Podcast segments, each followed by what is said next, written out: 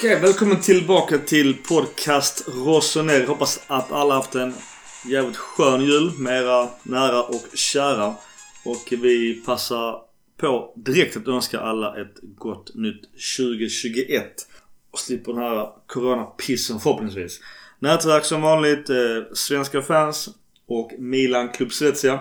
Vill återigen pusha för att Milan Club Svezia har merch, det vill säga skitsnygga halsdukar och mössor etc. Så gå gärna in på deras hemsida och kolla. Ganska långt avsnitt idag. Första 25 ungefär pratar jag taktik med min eh, internetkompis från Indien. Som skriver på Sempre Milan. Och sen bjuder vi in Mackan och Gurra. Som har varit eh, ifrån ett tag. Och vi går igenom eh, matcherna. Inte så detaljerat som vanligt. Sen så har Gurra en quizvariant och sen så är det silly season och som vanligt hit and shit. Så kör vi. Okay, let's go then. Welcome my friend, my, my friend from India. Thank you, thank you, Michael. Uh, my name is Rohit. Uh, I go by the Twitter account at Keralista. Uh, if you haven't followed me, please uh, give me a follow. Uh, I speak about uh, everything about Milan and uh, their tactics. And you also write at uh, sempremilan.com. Yes, uh, my articles are regularly featured on Sempre Milan as well. And your latest article was about our tactics and our revolution. Could you please tell uh, our, our Swedish fans how you Yes, and yes. your an- analysis about our tactics? So uh, let me start with uh, how we played under Gattuso. So uh, under Gattuso, uh, we had uh, Suso as our main creative player. So uh, since we didn't have uh, fast fullbacks like Theo Hernandez or uh, in, uh, fast midfielders like Kessie and uh, operating in their uh, preferred roles, uh, we had to play a different st- style of tactics under Gattuso where we played a deeper line and we played more defensive. And then when whenever we got the ball, we used to play a we used to play a long ball towards Piontek or we used to uh, make Suso cross into the box uh, and uh, get a header or even touch the ball into the goal. But with Pioli, we changed that tactic and uh, it was ably supported by Paolo Maldini. Maldini got the right players even though they were not expensive acquisitions like Kier or Silamakers uh, who are ex- excellent signings. They worked well for our system. So how Pioli started is uh, he was very uh, um, motivated by Bayern's tactics. So Bayern plays a very uh, pressing style of game where uh, they press the person very individually. Uh, and although we are not as accomplished as Bayern are, uh, we use the same pressing tactics. So let me start with how we defend. So when we lose the ball, we change the uh, formation from 4 2 3 1 to a 4 4 1 1 where uh, the wide uh, wingers uh, they sit back and for, form a flat four midfield with Kessie and Benacer, and with if it is Liao, Liao on the left and Silamakers towards the right. Hakan will usually sit behind uh, Ibrahimovic, and uh, he will try to cut off the passes towards uh, the midfield of the op- from the defense to the opposition of of to the, sorry to the midfield of the op- opposition. So that's how we def- uh, our formation is when we defend. So basically, when uh, suppose let's say a goal kick is there towards uh, towards the opposition, uh, how we do is uh, we cover the passing lanes of all the players uh, in their uh, in their team. So, like for example, to uh, when we were playing Napoli, when uh, uh, Ospina had the ball, he was trying to pass it towards uh, or to, towards Bakayoko or Fabian Ruiz. So what we did is we covered all those players, uh, we man marked them. So uh, even if uh, Ospina had tried to pass the ball towards them, uh, then they would lose the ball and we would counterattack them very swiftly. What Ospina had to do is try to kick the ball out, and uh, then that would be intercepted by Kessie or uh, any one of our centre backs. So that is one tactic that we use to defend very high out towards the field. Another tactic that we use is uh, is the horizontal pressing tactic. How that works is uh, when we don't allow the opposition to play towards towards the center through the center of the field. We allow them to play towards the side of the field uh, we we uh, ask them to play uh, through the wide areas. So since we play a very narrow 4-4-2 formation, we ask them to play through the wide areas. And uh, when they go wide, for example, let's say uh, they're using their right wing, which will come like our left wing. They will play our le- uh, through our left. And uh, when the player is uh, coming through the left, uh, Leao, Ibrahimovic, Hakan, and uh, Theo Hernandez, even Kessie would come and cover all the passing passing options of that player in their right back, and uh, and he will be close towards the touchline. So either he has to try and pa- make an inaccurate long ball pass, or uh, if he passes to any one of his teammates, it can get intercepted, and again we can counter attack. So that is one tactic that uh, we use very well in uh, in Serie A. This is one of the most important aspects in our pressing game, and this is one of the tactics that all pressing teams use. In case they get through our pressing and they reach uh, towards our uh, final uh, to their final third, that is our defensive final third, we we form a, very narrow 4-4-2 formation where uh, we don't we don't let them play through to, through the center again. We uh, we ask them to play towards again the wings. And uh, in case they cross, we still have our uh, setbacks of Care or Romagnoli to head the crosses away. Or we have a very tall goalkeeper in Donnarumma who can uh, catch the ball. So that is also one tactic that we use. In terms of fullbacks, uh, we have Calabria and Theo Hernandez. It depends on game to game. For example, we played Sassuolo. Sassuolo's right wing was Berardi. Berardi is one of the most dangerous player in Serie A. We all know that. So uh, against uh, Sassuolo, we I didn't see Theo Hernandez attacking as much as how he usually attacked uh, versus Parma or uh, Verona, where he was uh, playing almost like a winger, where he was full time in the opposition half. But uh, against Sassuolo, he was very conservative. Uh, he only went forward if there was a counter attack. If we take an example of Calabria, Calabria also did not attack much uh, against Napoli because uh, the left winger of Napoli was Insigne, who was in really good form for Napoli at that time. He was their main player, so Calabria did not attack as much. Only when he got a counter attack, he would go forward. We had a defense three when uh, we are going uh, when we have the ball and we try to go forward with the ball. Sometimes, I mean, most of the times uh, when they when they are defending, when the opposition team is parking the bus, uh, we play uh, both the fullbacks try to go forward because uh, the opposition team is not interested in having the ball as much like Napoli or Sassuolo or teams that play with the ball like Roma. So that is how we defend. So let's go on to how we build up play. Uh, once we are having the ball from the back, we have different build-up strategies. First, one strategy is if in case, like for example, Napoli, we had Dries Mertens and uh, Politano uh, pressing Kier and uh, Romagnoli and they're not allowing them to pass out from the back. What they would do is uh, Hakan would come from his uh, center attacking midfield role. Uh, he would come and he would drop in and uh, uh, and a, a small triangle shape would be formed so for passing and uh, would pass to Hakan. Hakan would pass to Calabria and Calabria would go forward with the ball. So to make up for that, uh, for make up space, uh, not to give us space, these uh, Politano and Mertens would fall back, and this would allow more space for Care and Romagnoli to come forward. And then Calabria once again makes a layoff to Kier, and Kier would get the ball again, and then Kier would try to make a forward pass to uh, Ibrahimovic or uh, Leao or Salamakers team is not pressing as much as Napoli does. They are uh, little more defending deep like Roma. Then what uh, what would happen is one of Benacer or Kessie would sit back and they would form a, tri- a type of triangle and uh, with movements between Theo or Theo or Calabria depending on the side, they would uh, bring Romagnoli into play and try to play a long ball. In case uh, all this does not work out, we have another tactic where Donnarumma will play a long ball towards Ibrahimovic.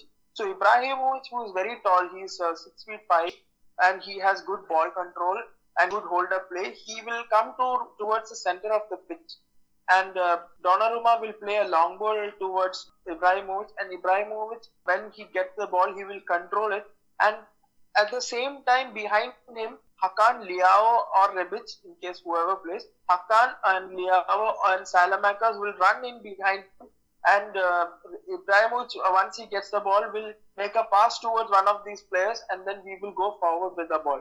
That's another build-up play tactic. Once we reach the opposition half, we have various methods of creating chance. One is uh, overlapping, overlapping uh, left back. So overlapping left back is when, uh, for example, Liao is the wing left winger. He will move inside. He will create space by moving inside. Rebic made an infield run, and Theo Hernandez ran outside of him and crossed it, uh, and Ibra left it for uh, and Salamakers scored the goal. That 5-1 uh, match. Uh, another way is an underlapping run.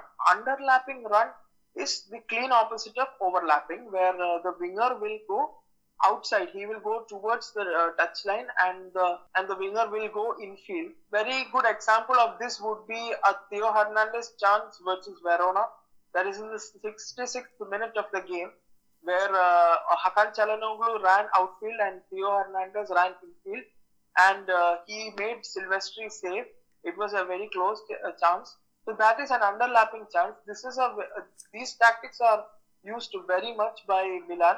This is very very unpredictable. We do not have a set way of doing.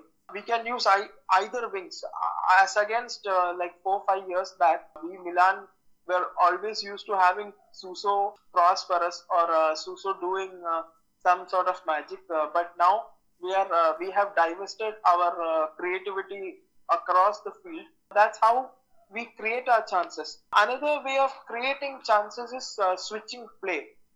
So let's say we have moved the ball forward through our right and uh, is the one who's uh, attacking. Uh, Ibrahimovic, Hakan, and uh, Calabria will move towards him to defend that uh, against them. Even the opposition is move uh, is supposed to move towards the right. Suddenly, Salamancas will give the ball to Benacer. Benacer will uh, receive the pass and he will suddenly switch play to the left wing. So, with half of their team moving towards that right side, there is nobody to cover on the left wing and Liao or Rebic will get that uh, will get a clear field and he is able to make a run and maybe he can cross or he can score his goal. A very good example of uh, switching play and scoring is Hauga's first goal versus Celtic. We were playing on the right side and Salamakers made an interplay with uh, with Benacer and switched play to Hauga and Hauga scored his first goal for AC Milan against Celtic with a switch of play.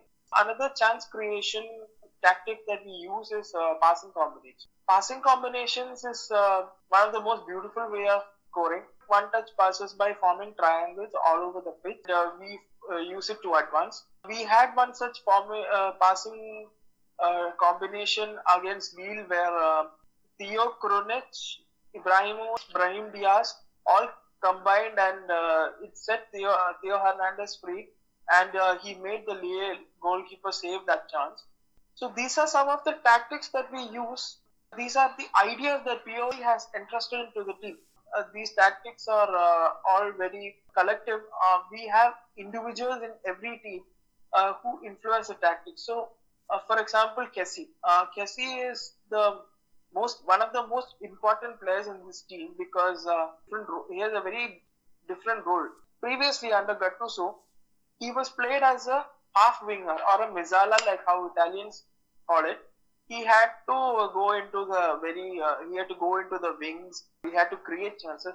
But that was not his style of play. He was more of a physical midfielder. In a double pivot, uh, he he is uh, somebody who is uh, playing as a deep lying playmaker where he creates chances to advance the ball from deep. He is one of those players who, who also initiates the press. That is, uh, whenever the opposition gets the ball, he will be the one to signal to his teammates to where to stand uh, so as to cover the passing lanes for the uh, opposition player. Uh, same way, Benacer is also one of uh, one of the deep lying playmakers for us. Influences the play from deep. He is also very physical.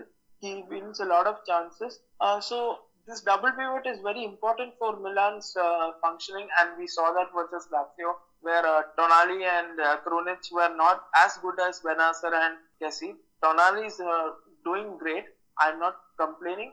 He still has a lot to grow. Uh, but I feel that uh, he's still they are still not as accomplished. Tonali is still 20; he can do better. Also, uh, then another uh, important individual is Theo Hernandez. Theo Hernandez is uh, somebody who we rely a lot on uh, on our chances for creating as well as goal scoring as we saw in these last few games. Especially last few games when we have played Hakan as a left winger. A left winger on paper, he plays as an attacking midfielder. It leaves a lot of space for Theo to play as a winger, and he uh, comes forward a lot and he uh, influences a lot of play. Like how against Fiorentina, uh, he came forward a lot and uh, he won a penalty which Kessie missed. Another individual I have to say is Ibrahimovic. Ibrahimovic uh, is, is a player. Not only he, he gives a lot of work rate and passion to his teammates, he has a lot of qualities. Uh, like I said, gives us an extra dimension in this team. So, for example, we missed him against Sampdoria and Genoa, where they defended uh, very deep. So we did not have his height. His height could have influenced the game. Uh, we could see that Theo and uh, uh, even Dalot was trying to pass to Rebic, putting long balls, but uh, Rebic is not as tall as Ibrahimovic, and he does not have the kind of quality that Ibrahimovic has. This is another quality that Ibrahimovic only can bring to this team. Uh, I do not know how they are planning to replace him once he goes. Uh, also, Salamakers. Salamakers is also a very important player. I call him a system player because individually he is not the greatest player. His uh, creativity is not as great. Features is his passing, his pressing, and his work rate. He is very good for our system. He plays as a right winger. Provides a lot of cover for Calabria whenever Calabria is getting attacked through the uh, right. For example, uh, against Napoli when uh, Insigne was targeting Calabria, we had uh, Salamanca's come back and double team here so that Insigne did not have a way to uh, go through Calabria and try to get on goal. Whenever we counter attack, uh, we have Salamanca's influencing play by either dribbling through an opponent. For example, against Lazio, uh, he did a 360 degree turn and made a pass to Rebic. Or against Inter in that goal uh, where Leao made the cross, the person who started the counter attack was Calabria and he passed to Salamancas and Salamancas did a turn. Then the move progressed. So we have individuals in this team who play as a team, play as a team, and that's how we play. And uh, then obviously I cannot leave out uh, Donnarumma. Donnarumma is a goalkeeper who has a lot of influence on this team. His positioning, uh, the way he um, comes and catches the ball, it's a great boon for defenders. And we can even see how players like Kalulu has a lot of confidence, even though he's playing his uh, fifth or sixth uh, senior game. You can see how confident he is because of Donnarumma. Another player I have to speak about is Kier. Kier is, uh, is maybe like the Ibrahimovic of our defense. He gives a lot of confidence. He is a modern defender. He is a six feet four and he gives a lot of aerial ability towards our side. A very notable thing that stays in my mind about Kier is how he blocked Lukaku shot even after Lukaku dummied him. Uh, the, and uh, the way he cleared the line when uh, uh when uh, Donnarumma was beaten. Kier also has a lot of influence on his on the defenders and uh, how he mentors Gavia and Romagnoli. Romagnoli was looking for a partner for a long time and finally he has got Kier. So Kier is also a very important part of this team. As much as uh, we have tactics, uh, Pioli has said that it's all about principles and ideas, and it is the players who are carry out these tactics. All of these uh, players are a part of this team. These uh, tactics are successful because of them. How we carry on is uh, is going to be how the season will go. Thank you very much. And just to simplify things, you have our, your Twitter account where you also have links with videos that explains everything you just said. Yes. So if you don't understand vocally, just tune into your uh, Twitter account and uh, watch the, the videos you uploaded. Yes. Uh, last question. Do you think we have chance or do you think we will win this Scudetto race? For the Scudetto race, I believe we can win it. What will define the Scudetto race for me is how we manage the players' workload. Basically, a, few months back, I had done a feature with Sempre Milan speaking about our analytics team. I left out that part. Our analytics team is uh, our uh, what do you say a, a, very important part of all of this tactics as well as our uh, as our uh, success. So we have analytics team where uh, four people in our analytics team. One is Volcano and one is Gianmarco Pioli, who is the son of Stefano Pioli. Three of them during a live match, three of them sit inside Milan's press box and they uh, record the match on their computer. And uh, Volcano will be sitting in, inside the that to where the match is going on. He'll be sitting with um, Morelli and uh, Pioli, and via intercom they will be getting um, uh, like instructions on where our game is good and where our game is bad. Analytics team also instructs our players, and this analytics is a cutting edge technology towards our players' tactical intelligence. Uh, while practicing, also they use drones. So while they are using drones, uh, we have uh, they use it to even understand the player's work rate. So if, for example, Salamakers, Salamakers is working a lot, but we saw that for one game he was kept out even though he was not injured. Why was that? Because our analytics team saw that he's getting overworked and he may get a, a very huge injury if uh, uh, if anything happens. So we have a, a, good analytics team who is managing our players' workloads. Having this uh, analytics team working with these players, if we are going injury free for the rest of the season, and uh, we will have more importance game coming through, and uh, if we are keeping this sort of form, which I think we will definitely be, definitely be able to keep. This is no fluke. This is 100% original quality of our players. I think we can easily win this Scudetto. Thank you very much for your time and very wise words about our tactics. Sure, sure. Thank you for having me on your podcast. And give uh, India my best uh, Happy New Year. Th- yes, uh, Happy New Year to you, Mikael. Happy New Year to everybody in Sweden. Thank, Thank you very much. much. Take care mate. Thank you. Ciao. Ciao. Okej, okay, det var min eh, internetvän från Indien. Eh, som sagt, gå in på hans konto och kolla på video. Det är kanske mycket lättare att lyssna på vad han säger och se dem samtidigt om... För det, det, det är väldigt mycket ord, men det är väldigt kloka saker. Så att det är alltid lättare med video. Men vi släpper in Mackan och Gurra som eh, inte har varit med här på två avsnitt. Vet inte riktigt hur med det för hela, hela inramningen vad vi skulle göra den fallerade här när, när, när Gustav undrar vad fan vi ska göra egentligen idag. Ja, men jag, jag, tyckte så... det var en fullt legitim fråga. Jag förstod inte vad problemet var. Men jag gör det med separat. Men i alla fall, vi har en jävla massa matcher. Men först och främst... Eh... Vänta, vänta. Hej vintermästare! Just det. och det kan vi också säga statistiskt sett på tal om vintermästare så är det mer eller mindre en gång inte en vintermästare har vunnit Scudetton sen i slutändan. På de senaste 10 åren tror jag. 20-talet. 20-talet. Så 20 Och eh, då är vi ju definitivt i förarsätet just nu. Men i alla fall Mackan, har du haft en god jul med din familj? Tycker jag. Själv? Ja, fan det var... Efter ja. omständigheterna Efter omständigheterna, ja. Och Gurra, har du haft en god jul med din son? Absolut. Jag fick ju själv eh, tvinga min dotter, hon är i den åldern att man inte längre gör teckningar i skolan. Va? Eller gör någonting i slöjden. Men de har fortfarande lite pengar men de vill lägga på sig själv bara. Så jag fick ju tvinga henne. Först swishade 100 spänn och tvingade att köpa julklapp till sin farmor. Till dig men... Nej, jag behöver inte ha det men hennes stackars farmor kan du, bör dock få nu, vi har en jävla massa matcher. Vi kommer inte...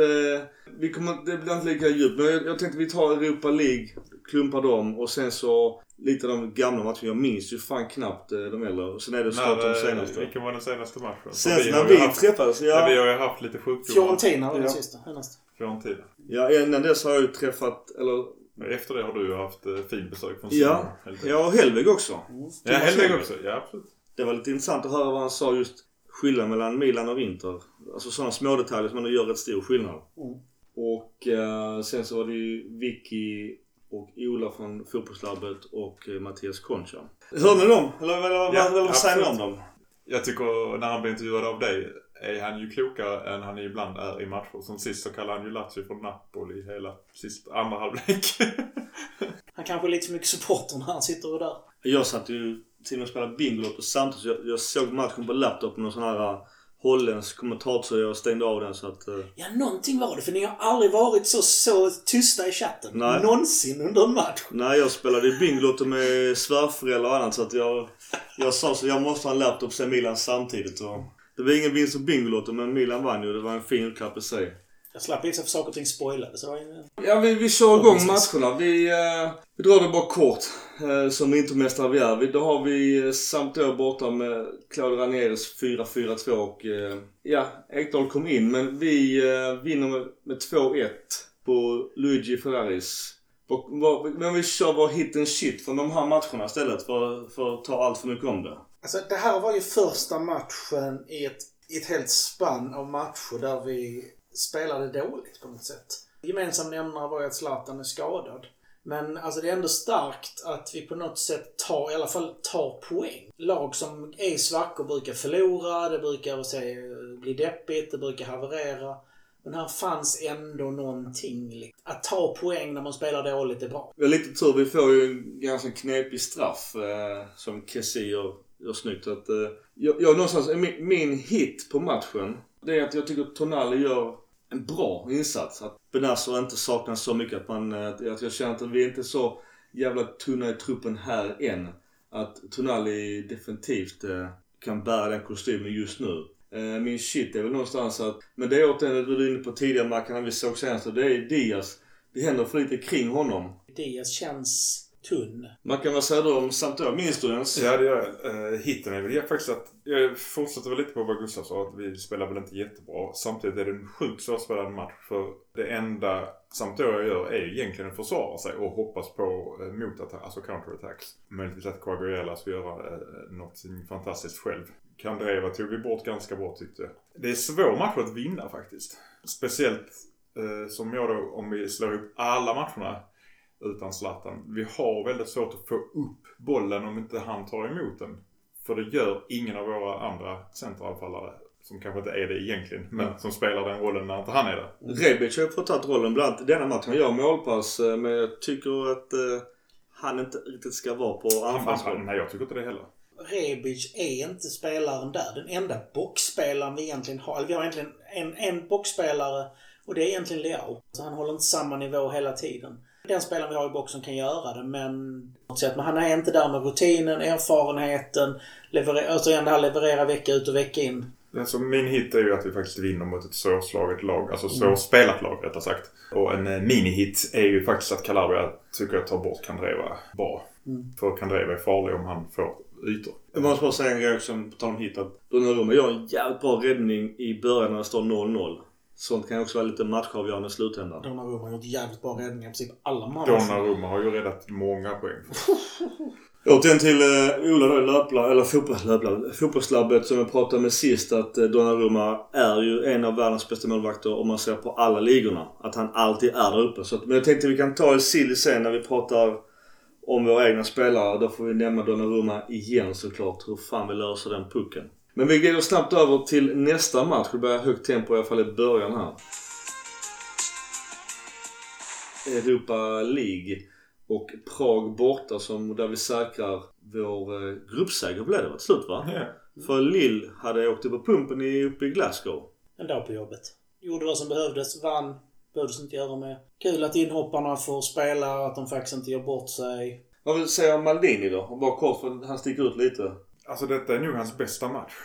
Sen är det första gången som sagt han får lite speltid så det är svårt att jämföra. Men han, han tog i alla fall för sig lite. Där man, man blir väldigt förvånad när man ser eh, efternamnet på nummer 20. Ja, för det, det tänker man inte. Nej. Han heter, det är ju Kalulu. Jaha. Vem fan är han? Ja, han heter ju det. Kalulu, Kyatengua Kalulu. Det är någon jävla japp som har ja, precis. Något fel uppe i tänkte, vem fan är det? Tänkte jag när jag läste laguppställningen. Men det är ju... Men, han, vi måste säga någonting om Kalulu. Det är ju hans premiärmatch och uh, man satt ju själv och var lite nervös. För tänkte han har ju... Han plötsligt rusar förbi både Duarte och Mosacho. Mosacho är ju superfrysbox men har vi inte kunnat säga om hans insats? I denna matchen eller totalt? Både och. I denna matchen tyckte jag han faktiskt tog chansen och visade varför han ska gå före de andra. Mm. Eh, både Mosacho och Duarte. Detta var väl hans första A-lagsmatch? Ja. Överhuvudtaget. Ja. Inte ens innan. I Lyon? I Lyon. Han hade ja. bara spelat ungdomslaget i Lyon ja. om jag förstod det rätt. Ännu mer cred att han vågade och kunde. Mm. Mm. Som sagt var egentligen i en match kanske där en skön match att komma in i för att den betyder inte jättemycket. Gör ingenting om du gör något litet misstag. Men jag tyckte inte han gjorde några misstag direkt. I defensivt, eh, det ser lite konstigt ut. Vi har då Tatar i mål. Och så har vi Lea, eh, Dalot och Kalulu, Duarte, Conti, Krunic, Tonali, Maldini, Castillejo, Colombo, Hauge. Så att det, det är ju, jag förstår att man ställer ut skorna lite. För att man tänker att Lill gör sitt jobb i Glasgow och vi går ändå vidare som tvåa. Nu blev det ju bra ändå när Hauge gör ett jävligt snyggt mål. Åter till eh, Kalulu gör ännu bättre med tanke på att han har Dalot och Duarte och, och Tara runt sig. Som, och sen Krunic framför. Det är nästan faktiskt ännu bättre av hans insats för det är helt nya spelare kring honom. Och han är ju jättegröngöling. Så att eh, jag måste ändå ge min hit till honom faktiskt. Ja, det, jag kan hålla med dig där. Där eller att eh, Hauge faktiskt tog chansen att visa vad han kunde också. Shit, den får ju egentligen på något sätt i mitt tycke gå till Pioli som faktiskt sätter ut i princip bara ett ersättarlag. Jag, kan, jag ska inte säga B-lag. Nej men det är ju andra spelarna på position. Ja, visst är det bra att de får speltid. Men vad lär sig Tonali på att spela med de här spelarna som man inte kommer att spela med i princip? Å andra sidan får ju spela med Krunic lite då och då. Ja, men det är ju på grund av att vi inte Ja. har något Mm. annat. Det, alltså förstår ni vad jag tänker? Ja, jag helt menar att menar. Tonali, just, jag tänkte främst på Tonali i detta fallet. För att han behövde komma in i vårt spelsystem. Därför tycker jag att han behöver spela matcher där han spelar med ordinarie. Å andra sidan måste ordinarie spelare vilas i sådana här matcher. Absolut. Och det, här, det är ju här återigen, äh, hela den diskussionen bygger på att vi ännu inte är en storklubb. För en storklubb hade vi haft 11 bra spelare här också som hade kunnat spelsystemet utan till bak och fram och upp och ner. Alltså spelare 12 till 22 ska, ska inte vara så jättemycket sämre än 1 till 11. Jag är med dig. Egentligen tycker jag att vi ska satsa på Europa League. Och köpa in spelare i januari som behövs. För att jag kan säga med säkerhet att vi kommer att spela Champions League nästa år. Oj! Du sticker ut hakan redan nu. Det kommer vi göra. är inte så mycket som sitter och säger att vi kommer vinna ligan. Stopp, stopp, stopp. Det där har jag aldrig sagt. Jag sa vintermästare brukar vinna ligan. Basta. Vi kommer att spela Champions League nästa år och då behöver vi ha ett samspelt lag där vi har en ersättare på varje position som är...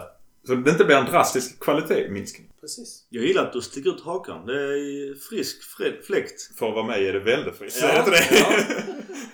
Jag måste bara återgå till uh, hit and shit och då tar jag tyvärr min shit och jag tror att vi fick ett recept eller kvitto på att Colombo inte är en del av Milan i efter januari. Att han lånas ut med all rätta för han lite naivt kanske såg som en vice Zlatan. Jag vet inte hur man tänkte där men han visar ju här att han inte är redo. Att han bör gå till en kanske en toppklubb i Serie B så han slipper springa och jaga bort. Utan han får vara med i en, ett lag framåt. Inte gå ett bottenlag i Serie A för det tror jag bara är dumt. Så topplag i Serie B vill jag se honom i. Det är klokt. Så kan vi ta hem vår mittfältare, vad han heter. På Bega. På, På BG. Peppes. Nej men att Colombo ska lånas ut tycker jag är givet. Han måste ha speltid annars kommer han aldrig bli någonting. Malini också får jag säga. Jag tycker Malini var ganska bra offensiv. Han kan inte dribbla på egen planhalva. Det, det känns lite så. Nu, nu lattjar jag in en fotboll och jag om Malini. Men... Ja, jag tycker Ja, det var det misstaget han gjorde. Ja, ja. Det var det. Maldini. okej. Nej, att han dribblar på egen bana. Det kan du inte göra. Men annars tyckte jag att han var frisk fläkt. Men eh, också lånas ut. Fan, Går det? Ja. Går det att låna ut en Maldini? Det blir ju nu jobbiga krav på klubben som så får låna honom. En bottenklubb, Serie A, där han får spela. Han ska ha garanterat speltid varje match. Tror jag. Den lösningen hade i så fall. Fast jag, nej, det hade varit jättejobbigt att se en Och in- Maldini och inte- och- och- och möta en Maldini. Och inte få spela mot egna klubben. Sådana klausuler finns ju. Därför Det menar får jag man inte ha längre. Jo, det får du. Får du ha dem fortfarande? Du får ha dem men inte i Champions League eftersom det är under Uefas reglemente. Men land, ländernas reglementen får det finnas i. Då är jag återigen så fall hellre Serie B då. Toppklubb Serie B. Ja, hellre det. För jag vill inte... Nej. Tänk att möta Maldini. Nej, det vill man inte. Alltså det är bara en känsla. Det handlar inte om någon spelkvalitet eller någonting. I alla fall, deras tränare Václav Kotal på deras Generali Arena. De var ju rätt dåliga i den matchen. De har aldrig vunnit mot Milan. På den arenan. Sparta Prag. Mm, jag tror inte de hade vunnit någon gång mot Milan. Och här var chansen typ för att vi ställer upp ett Mm. mindre bra lag. Vi kan ta det direkt att vi är ju vidare i Europa League och vi kommer möta Röda Stjärnan. Det ska bli jävligt spännande faktiskt. Dryg eh, bortamatch. Jag, vet, jag Kan jag Röda hoppas att vi inte eh, har några supportrar. Utan publik. Tror jag Nej. känns inte så farligt. Nej, Nej. jag. Fast, fast de lär ju inte kunna sova en natt i stan liksom natten innan. Nej, nej, det är som de flyger in och flyger Ja. direkt. Ja, ja, ja. Tar helikopter dit. Jag har ju sett Röda Stjärnan live. Det är ingen rolig bortamatch. Men nu utan publik är det ju nog inte alls samma sak. Det roliga också, vi, vi hängde med lite folk från, från Partizan Belgrad. Och de berättade det att när det väl är Europamatcher, då går de här juggarna ihop. Och jag bara så. Okej, jag tror inte jag vill åka och se en match i Belgrad som borta supporter. Men faktum är, det, Uefa har ju sagt att Uefas regler säger ju att du får upp till 25% fyllda arenor just nu. Styr ländernas egna regel, regelverk trumfar ju det. Så att om, om Serbien inte har något där så kan arenan vara fylld till 25%. Ja, det lär höras i så fall. Så det är inte omöjligt att de har en klack där. Även om de sitter varannan stol ifrån varandra så kan de mycket väl ha en klack. Det tror du att de sitter Nej. och står ifrån varandra? Nej. Var det något, var det något lag, var det Ungern eller Bulgarien där det var 25% men alla var så fuck det. Så stod alla på kortsidan ihop och bara okej men då, då tappar du allt ändå. Ja. Men du vill lämna Prag va? De eh, var dåliga och vi var väl lite bättre helt enkelt. Ja, mindre dåliga. Ja. Eh, Än en gång var väl, eh, vad heter han nu, svensken? Inhoppet. Moberg. Ja, Karlsson. var ganska, ganska Ja. pigg igen. Ja. Absolut. Och nej, Mina ska inte köpa honom. Nej. Det kommer inte mycket propagera för. Han har inte spelat i MFF. Nej precis. Då är vi i borta, eller förlåt, då är vi i hemmamatchen på San Siro och möter Parma. Och den matchen slutar 2-2. Vi har, vi har tre skott i virket. Fyra skott i virket. Där, där förtjänar vi faktiskt mer. Det är inte ofta jag säger det. Man brukar vinna om man gör flest mål. Jag vet inte fan om inte vi förtjänar att vinna den matchen. Definitivt. Var det inte här vi låg under också till slutsekund? Parma har Ja. 2-0. Och de kontrar in eh, och där står många tittar på. Både Benasser och Calabria är inte helt med där i eh, den, den kontringen. Nej. Deras första mål är också en sån jävla flax. För de här två målen såg man ju att Kalulu inte var där. Det är ju han som bommar hela uppspelet, hela grejen vid deras första mål. Och det är han som missar markeringen fullständigt vid deras andra mål. Vi kan ju Det är så det. jävla otacksam roll att få också. För gör du misstag på den positionen så märks det direkt. Ja, ja, ja. Gör du misstag som anfallare, det märks ju inte. Det är, jobbig, det är en jobbig position att spela i helt enkelt. Ja, ja, alltså full, full sympati för det, men det är ju han utan... Alltså, Ja, det är bättre han, det är mittback han. så hade de inte gjort två mål. Hade vi haft Kär hade de inte gjort målen. Skulle jag säga. Då hade vi haft två poäng till. Ja, det har vi definitivt. Och vi kan säga också på tal om Kalulu. Han blev inbytt redan efter femte minuten för att Gabia tyvärr är långtidsskadad. Och det tror jag kanske också påverkar vårt eh, transfersnack senare. Tur att han har fått chansen i, i Prag-matchen här innan ju. Ja, faktiskt. Mm. Så han ändå hade lite hum om A-lagsfotboll i Milan. Speciellt eftersom jag trodde att han var högerback när vi värvade honom. Ja, det var så det det är det han räknade som ju. Så att, ja. Vi gör två byten i paus. Eh, Diaz ut, Leo Hauge in. Vi har lite mer fart men däremot gör de ändå på kontring. Det är klart att vi trycker fram för vi är mycket bättre. Och så kontrar de och det är ett jävligt snyggt eh, nickmål av Kultic som... Då De övar ju på det men det räcker inte. Det var ju jättetungt. Men sen direkt efter så gör ju vår supervänsterback i Theo Hernandez 1-2. Håkan eh, gör assisten. Jag minns fan inte det målet. Jag såg ändå höjdpunkterna nyss. Ja, men Hernandez eh, är ju en av de som presterar. Och nu när han börjat kunna försvara också. Alltså det är ju det som är skillnaden. Både han och Gabia. Helt plötsligt kan de spela försvarsspel. Och det har ju blivit en jättelyft för hela laget. Vi har inte de här hålen på uh, ytterbackspositionerna längre. Tänker du Calabria nu? Ja. Du sa Gabi. Ja, förlåt. Calabria menar är jag. bara så att jag är med. Calabria, Calabria, Calabria. Calabria och Hernandez, att de verkligen liksom, de håller de ytorna. Och Hernandez att han då kan behålla sin målform trots att han klarar av det defensiva. Det är ett jättearbete. Ska vi titta på Hernandez i... Främst utan Zlatan. Eftersom han har kunnat leverera bättre med Zlatan för då, och Rebic, får jag väl då tillägga, framför sig. Så tycker jag det är ganska tydligt att han ges fria tyglar när vi ligger under. Mm. Ligger vi under så får han fan anfalla hur mycket han vill. Och det, tror- jag tror att det är direktiv uppifrån. Alltså från Pioli då med andra ord. Som du ser i nästa match också. Och, alltså att han, an, den sista kvarten anfaller han fruktansvärt mycket. Mm. Och försvarar bra innan dess. Ja. När vi behöver så gör han de här räderna och det är ofta de som le- leder till att vi faktiskt kvitterar eller vinner matchen. Men det är ju också att hade helt plötsligt, eftersom man tar lite lugnare i början, så har han ju flåset i slutet med den Precis. hastigheten. Och då har han en trött ytter och en trött ytterback som då inte hänger med. Precis, så att det är ju jäkligt smart strategi. Speciellt utan Zlatan, får man då tillägga. Mm. Den bryter verkligen mönstret och alla vet ju att han, är, han filmar ju men kommer du efter och nuddar honom då har du kort. Så att många vågar ju inte heller ge sig på honom. Och han bryter mönster. Han kan både ta utsida och insida. Vilket är hopplöst att möta honom. Så att det är, det är en hemsk spelare och hans värde har ju ökat enormt mycket nu. Lär inte han bli såld tack, tack och lov i januari. Jag läste någonstans eh, att hans värde ligger på mellan 50 till 70 miljoner euro. Han kan mycket väl bli såld. Det handlar bara om, om någon som är beredd att betala. Och det kommer att kosta så in i helvete i så fall. Jag tror Real Madrid är inte jättenöjda med den affären. Nej, tror inte jag heller. För att deras, den som tog hans plats, Mendy, har väl inte gjort Ja. lika många mål i alla fall, kan vi väl säga. Sen är det ju också det man har ju en balans i laget och eftersom Theo är mycket bättre offensivt så, så blir det att man har den vinklingen på lutningen i laget att han får dra driden så flyttar ju resten över och balanserar. Man får inte glömma det. Vi gör det jättebra, måste jag säga. För när han går på sina räder så faller, i, i flesta fall, det beror på vem som spelar, men i de flesta fallen är det Kese som går in och täcker upp. Egentligen i mitten och Romagnoli går ut Mm. och tar eh, ytterbacksposition. Och det är jäkligt bra gjort för vi klarar av det. Jag måste säga att jag vill, i, jag vill inte att vi säljer Hernandez såklart. Vi har ju våra fyra i virket. Hakan då har tre. Förresten han gör sin målpass också. Diaz har också en fjärde i virket. Båda målen görs av, av Teo och det sista är ju verkligen nästan sista sparken. Ja, alltså moraliskt sett så är det ju jävligt viktigt att ändå inte förlora. Vi har ju inte förlorat på, vad vi sa, 25 omgångar. Något sånt här. va. Och någonstans så sätter det sig också i truppen att eh, vi är ju fan vinnare. Den här vinnarkulturen kan man, alltså det är någonting man, man, man bygger upp och det är, man får mycket gratis tror jag som trupp. Just den här eh, gruppdynamiken. Bara så fan vi har inte förlorat på 25 matcher. Att man tror på det man gör. Denna matchen hade vi förlorat för ett år sedan. 100%. Lätt. Speciellt att vi inte får utdelning, alltså ribbträffar och stolpträffar. Det hade ju sänkt vår moral jättemycket. Annars en hit and shit på Parma. Shitten är ju tyvärr Kalulu.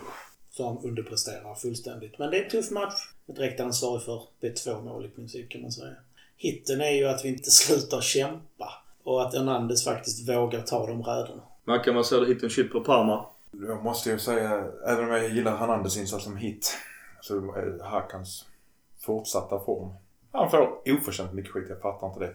Efter de här matcherna utan Zlatan är jag beredd på att ge honom den lönen som det har ryktats om. För att så viktig är han för Milan. Absolut, de här prestationerna. Men han har levererat i ett fåtal månader av hela hans kontraktstid här. Och det är liksom det jag också. Vad händer när han får det kontraktet? Spelar han för kontraktet nu? Varför har han inte spelat så här bra innan? Jag kan då konstatera, kontrastera med Kessie. Han har inte heller levererat för nu. Nej. Ska du sälja honom? Det Alltså- vill ingen. Å andra sidan så har han inte spelat på rätt, i rätt position förrän nu. Och det har inte Hakan heller. Han har inte fått spela på rätt position och med rätt support såklart runt omkring sig. Det, det har vi snackat jättemycket om att varken Suso eller Hakan har kommit till sin rätt för att vi inte har haft en anfallare som kan göra jobbet. När vi hade en anfallare som gör jobb så passade de inte honom. Nej, fair enough. Men jag tänkte, jag, jag pausar den diskussionen till vår Silly-del. För jag, jag har också åsikter såklart om Hakan, Kessie. Lite som du säger, Kalawi har varit dålig tidigare och nu spelar han bra. Men ändå vill folk sälja honom. Men det finns... Men vi, vi, vi, vi pausar den för det är en bra diskussion och tar den i Silly. Vi kör matcherna och sen tar vi Silly därefter. Alright, stora hitten är väl då egentligen lagmoralen. Att vi vinner matcher som vi hade förlorat för ett år sedan. Eller får jag gjort. Ja, eller ja. Precis. Att Vi tar inte ger poäng, upp. vi tar att, vi poäng. inte, att vi inte ger upp. Jag säger shiten är egentligen skadan på Gabia för att med Gabia hade vi förmodligen inte släppt in två mål. Jag håller med din eh, shit. Gabia var jättetråkigt. Dels för att han, nu när Kjär är skadad, hade han verkligen fått eh, en ärlig chans att spela in sig och återigen till silly season och transfer. Inte behövt agera nu i januari. Nu måste de det med, med tanke på Gabia.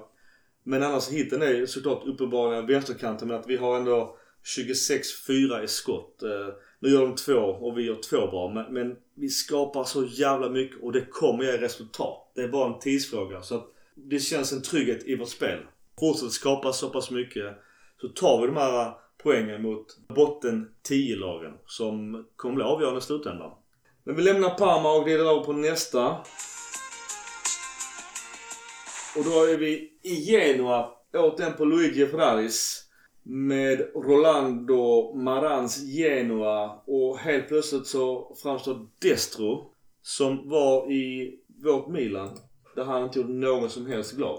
Han gör två mål och där måste jag hoppa in. Kalulu får bra betyg. Han gör ju mål. Han räddar oss i slutminuten men jag tycker han hänger tvätt på båda målen Destro gör. Ja. Så han är min, han är min shit. Det var skönt att han, för honom och även för Nina såklart, men det var ju skönt att han fick göra kvitteringen som Jag tror, jag tror, stärker hans självförtroende. överlag måste jag ge shit till hela vår match. Den här Genoa-matchen var, vad jag har sett på många månader, det sämsta vi har presterat. Det är väl Lill hemma i Europa League. Men sen i Genoa är fan eh, minst lika dålig. Och, och sen min hit här, det blev faktiskt att Calabria från ingenstans gör ett jättefint mål. Och han gör ju sitt. Han tar ju bort Piazza som var Juve innan och som faktiskt ratade oss eh, för att han ville inte spela Milan för vi var dåliga. Det skottet det går inte av för hackor, det ska vi inte säga. Men återigen, hitten är utan tvekan att vi inte förlorar en sån här match. Vad säger du Mackan om... Alltså Genoa är en svårspelad match. Vi har haft jätteproblem med Genoa i många, många, många år. Det var faktiskt den senaste matchen vi förlorade var mot Genoa. Mm. Jag vet inte varför, men det är lite, lite ett spöke. Eh, som Sassuolo var rätt många år också. Fast Genoa har vi haft problem länge med. Och det, delvis kan det vara för att de alltid kämpar om överlevnad. Får vara kvar i sig och, och de måste kämpa hela tiden för det. Eh, sen underskattning. Det är ju jättemånga matcher på rad. Hög, hög matchning. Mm. Givetvis hade vi lyckats bättre med Zlatan på topp än det laget vi ställde upp med. För att alltså, Rebic är inte vår centralanfallare. Nej. Det blir tydligare och tydligare för varje gång. Om man jämför med vem som gör mål när det är Zlatan som är centralanfallaren eller någon annan som är centralanfallaren. De, två, de här 2-2 matcherna, det, det, det är fyra mål av försvarare. Och det är som du säger, alla våra offensiva spelare förutom faktiskt Hackan åt den så är de dåliga. Vi pratar allt från Selmakers, Hauge, Diaz, Castellejo, Rebic och Leao. Tonali var inte jättebra heller. Alla de är faktiskt dåliga. Så det känns som hela kollektivet var dåliga matcher. Än en gång, det är jäkla lagmoral att vinna en match där vi faktiskt är dåliga. Och det Ta poäng. tar... poäng. Eller, mm. Att vi inte förlorar. Gurra, om Genoa? Borta. 2-2. Hackan spelar bra på den positionen. Rebic är på fel position. Castillejo på vänsteryttern förstår jag inte för fem år och Leao på högeryttern. Men det var väl ett sätt att försöka skaka om laget misstänker jag. Men den stora grejen som jag sa precis innan. Vi förlorar inte. Snabba ryck. Då är vi i Sassuolo. Och tack och lov är vår kompis i Locatelli inte available för matchen. På Mapei Stadium. Och De Serbi han kör också 4-2-3. Bara kort också om den här matchen. Det är ju ett superrekordmål från Leao. 6,42 Det sekunder. var 6,42 till och med ja. Efter avspark. Skitcoolt. Och jag vet att vissa Juve-supportrar vill ha det till offside. För att Leao hade ett eh, skosnöre på deras planhalva. Det Det har, kommit, det har kommit andra bilder som visar att de, det hade han. Mm. Men det var en Sassuolo-spelare Ja. som upphävde den. Så att, Då hade han inte det. Nej. Annars som... Juve eh, verkligen snacka om felaktiga domslut? Jag Nej. vet inte riktigt. Men däremot tar en felaktig domslut. Jag måste ändå ta upp den för det blev VAR på... eh, Det var Hakan gjorde 2-0. Alla Han jublade. offside, där, eh, offsiden Alltså vad fan är det? på eh, Sädemakers med 2,2 centimeter. Ja, och ganska långt ifrån situationen som var spelet som sen blev mål. Ja, så det, blev, det är ju rätt igen, än en gång får vi säga så. Det är ju rätt. För det var offside. Men har man, letar man där? För jag tycker, jag tänkte så, okej det är Diaz som står i vägen på något sätt.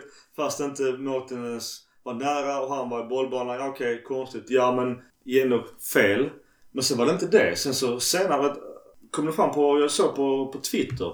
Att, eh, ja vad det var Salamakers som Det var var nu offside. Sädemakers som var offside. Ja. Eftersom det var offside, domslutet är rätt även om vi inte ser det, så hade den assisterande tagit även utan VAR i 90-95% av gångerna. Men det gjorde han inte. Nej, gjorde inte det, men VAR tog det. Alltså är det rätt. Men han, han såg inte, ingen såg det. Nej, men det blev ju rätt. Men alltså jag, jag, måste ta, för jag är ju egentligen för VAR såklart. Men när man sen i alla sekvenser börjar backa bandet och se var någonstans är, är, det, är det rätt och fel.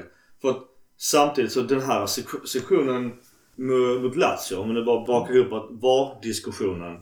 Där återigen Kalulu, han... Alltså han, han, trampar ju inte... Här är jag inte ens sur på Kalulu Nej, alltså, han trampar ju inte han på fötterna. Vad är det? Eh, Luis Albert som, som... Han försöker ju knappt filma. Alltså, det, är, det är inte ens en touch.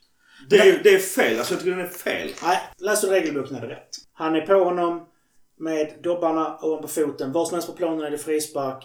Är det straffmål det straff. Det kommer vi inte ifrån. Han, vilka Men- dobbar? Det är inga, inga dobbar är med. Jo, han, Nej. han skrapar på foten. Det gör han. Det kommer du inte ifrån. Ja, ja, alltså, Men ja. oav, oavsett. Det är inte den här diskussionen. Alltså vi, vi lägger diskussionen på fel ställe. Men nu kör vi VAR. Jo, men nej, nej. VAR-diskussionen är rätt. Men vi, vi riktar in oss på fel. Vi riktar in oss på kameran. Poängen är att i alla tider har det varit okej med småfusk, småfula saker, knuffar, dra i tröjan, småtramp. Det har varit okej att knuffa. Sånt som är förbjudet enligt regelboken, men det har tålts inom citationstecken. Nu har vi ett system som ska, som ska upptäcka detta. Är det då fel på systemet? Eller är det fel på att spelarna fuskar? Jag tycker konsekvensen Ja, av att inte vara någon form av en consist, consistency. Där det hela tiden blir straff eller en straff. Alltså som nu, om man ska ta straffen mot Lazio. Om vi, om vi bakar upp en vardagskund, vi tar Lazio sen. Då är det straff i varje hörna. Det är lika bra så. Hörna lika med straff. Men, men, det är ju inte... Nej, det, det går inte att ta. Man kan inte ta. Det, det kan inte vara straff. Jo, men det är inte vars fel. Jo men det är domaren får. Alltså dom, domaren. Jag vet inte hur någonstans det kan bli. Bara så du, by the way, du bara titta på den sektionen. Eh, för, för Al- Alberto blev en döende svan. Ingen förstod varför. Alltså den lilla touchen kan inte få en vuxen karl att flyga så. Alltså det, det är fysiologiskt omöjligt. Och någon som bara så Alberto, du är en fucking pussy. Du får kort för du kan inte bete dig så här. Och det, det är alltså i min värld, alltså rätt och fel, svart och vitt. Det kan inte vara straff. Jag säger alltså, som det, jag sa när Hernandez körde sin dykning. Ja, det är straff. Men han ska ha gult kort för han förstärker. Jag vet inte Absolut. hur många gånger sagt detta. Diskussionen handlar inte om var egentligen. Det handlar om ska spelare få småfuska eller ska de inte få småfuska? Alltså, jag tycker det är svårt. Vi, Men måste då- lyfta det här. Alltså, Om du tittar på side-situationen så kan vi knappast kalla det för fusk. nej men det... Sen Nej, kan göra allt för att komma på rätt sida. Nej, nej. Offside, disk- offside är ju en svart eller vit grej. Och det som jag sa när vi pratade förra gången. 90-95% av alla offsider i alla högsta ligor blev rätt även innan VAR. När man gick tillbaka och tittade på dem. Jo men samtidigt, du förstår offside. Det, fin- det finns olika bedömningsgrejer om du ska gå igenom offside-regeln. Det är att om du eh, rör bollen, om han påverkar en annan spelare genom att obstruera eller hindra deras löpväg. VAR, jag gillar VAR. Men nu börjar vi leta fel. Och då, går jag, då börjar jag svänga i VAR-diskussionen för att Kalulus straff på Alberto, han är en fucking pussy. Att det domare tar straffen på den. Alltså att den som blir video. Jag, jag tycker det är skamligt. Vi är på en situation just nu i den europeiska fotbollen med VAR. Det är lite längre Micke, så nu får du hänga i. Där hockeyn var i NHL för några år sedan. I NHL i började de införa nolltolerans mot hakningar, slashing och allting. Det var utvisningar. Det var alltså 10 utvisningar per period i matcherna. För de, för de gav sig inte. Vi ska få bort allt det här småfusket. Sen tog det en halv säsong och helt plötsligt gick målsnittet i matcherna upp med flera mål per match. Det blev roligare spel, det var positivare spel och allting. Det är lite detta vi ser här nu. För innan har allt det här småfusket släppts, setts mellan fingrarna. Det har sopats under mattan. Man har sagt att ja men lite får man tåla och så vidare. Om man nu går in och tar allt det här småfusket. Vi kommer få många fler mål, öppnare spel, roligare spel. Men det är alltid en övergångsperiod naturligtvis innan spelarna lär sig vad som får och inte får göra. Det är det här man måste göra valet. Var ligger gränsen? Ska fusk vara tillåtet? Och då menar jag fusk är att dra någon lite i tröjan, att trampa lite på foten, att ge den här knuffen. Det är ett fusk i regelboken. Ska det vara tillåtet eller inte tillåtet? Och bevisligen nu så visar de att det är inte tillåtet. Nej, bra. Då är det upp till spelarna att anpassa sig. Men vi har In- inte, inte, skylla, in, inte skylla på ett system som upptäcker att spelarna bryter mot reglerna. Vill man ha det rätt eller vill man ha det fel? Och, men då får någonstans, då får man blåsa straff på allt. För vi har ju också haft det emot oss. Bara så när någon drar fram en bom och liknande. Jag, alltså jag, jag, kan ta diskussionen till höger och vänster. Men att Kalulu får straff mot sig. Jag vägrar köpa det. Alltså det då, då kan man ta bort all form av kontakt i fotbollen. Nej, men gör den rätt. Att trampa någon ovanpå foten är bestraffningsbart. Och det gör Alltså, han. alltså det är inte ens knappt en touch. Sen- alltså det, det är inte logisk rörelse Alberto gör. Alltså det finns ingen chans i världen. Men, nej, men tittar du, tittar du på filmen, det de säger. Han är på med sin fot ovanpå foten. Ja, då är det bestraffningsbart. Utanför straffområdet en frispark. Där inne är det en straff. Sen att han kör döende svanen rullar tre varv Men och det gör skriker. han ju för att de ska titta. Ja, det har inte med saken att göra. Det är en sak som ska vara bestraffningsbar. Eller är Ja, om bestraffningsbar. nu kör svartvita regler. Om nu det må vara att man petar i helvetet. Då ska Alberto ha minst ett gult kort också för att han spelar på domarens sekvenser. Absolut, jag säger det Och rakt då, av. då kommer du ha 7 mot 7 i slutändan. Nej, det kan du inte ha. Nej men alltså det är det. Då, då blir det ingen fotboll av det. Nej, eller, eller så blir det som i hockeyn. Att spelarna faktiskt lär sig att sluta fuska. Och då kommer vi få ett roligare spel, öppnare spel och många fler mål. Fast Skyll inte tar- på Det systemet. blir det inte om du tar och var på offside på två centimeter. Nej, men, Då blir det inte men, fler men nu mål. pratar vi inte var på offside. Nej, men jag, du, du pratar om var. Vi pratar om var och fler Ja. mål. Ja, men nu pratar jag bara om det här, alltså fusk med spelarna. Offside är en svartvit sak. Antingen är du på rätt sida eller så är du inte på rätt sida. Selmakers Det- det- tar emot bollen. I hockey hade det blivit en hockeyassist på Selmakers så det är därför det är offside. Det är därför målet döms bort. Han passar till Leao som passar till Hacken. Men alltså du kan, precis, och- det som Micke brukar säga, don't, don't hate uh, player, hate the game. Men eh, Alltså- jag tycker återigen då till hörnor. Om du ska köra den här nitiska. Det kommer bli straff varje hörna. Låt det vara det till spelaren slutar. Och två fel blir aldrig rätt. Vi går tillbaka till Sassuolo. eh, var vi får se hur, hur det utvecklar sig. Men i alla fall vi vinner med 2-1. Uh, Sälenmäkers gör också mål efter ett uh, jävligt snyggt spel av Hernandez är det va? Japp. Som driver. Och då känns matchen ganska död och komfortabel. Eh, Mariani sen drar en frispark i, till Sassuolo utanför. Där gör ju Bernardi, ja han gör det jävligt bra. Det där är väl eh, Hauge som styr in bollen egen. Han är lite pussig där. Han Inte lite skulle jag vilja säga. Nej. Jag skulle säga att han är inte någon, någon viking där. Inte Ingen viking. Han ska haft en sån hornmössa. där Han borde få avdrag på lönen för Ja. det där. För det där är ju direkt... Alltså det är inte för att vara dum. Det, alltså det är en naturlig instinkt. Det är jag med på. Men som fotbollsspelare i Milan skulle du ha övat av dig med den där instinkten att vända dig. Ja. Annars så har man som Zlatan, han har ju alltså sin knytnäve framför snoken. Och, och andra, andra framför kulorna. Och då kan det inte bli straff om jag förstår det rätt. Det hade jag gjort. Men att, alltså jag hade hellre tagit den mitt i, i plytet än att, att jag kör pussy style och viker bort och sen det var mål. Alltså tänk att jag var 2-2 och tappar två poäng. Det är nog spöstraff i duschen annars. Jag antar att han fick sin beskärda del ändå om jag ska vara helt ärlig. Donnarumma var nog inte Alltså, nöjd med han det. ska nog vara glad att inte Zlatan på plan för han hade prylat honom. Ja. Det är mycket svar på allt där Zlatan är inblandad, att han får stryk. Det brukar hjälpa. Vad säger du om eh, Sassuolo? Lojo tycker jag var bra här. Detta är faktiskt den enda matchen Leao har varit bra i. Om jag, Ja. Utan, alltså sen han kom tillbaka från skada.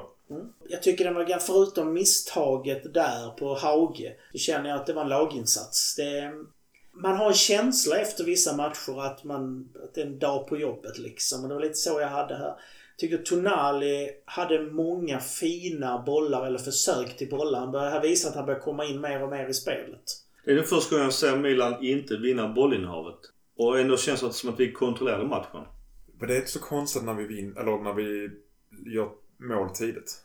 Då tappar du ju bollinnehavet. Vi lämnar Sassuolo återigen, ska vi säga, som... Eller fortsatt som serieledare. Och glider in på matchen mot Lazio mot Simone Inzaghi och hans 3-5-2. Återigen hemma på San Siro. Julklappsmatchen. Ja, julklappsmatchen. Rebic gör nickmål på hörna. Vi, vi satt ju alla var lite chockade att vi gör mål på hörna.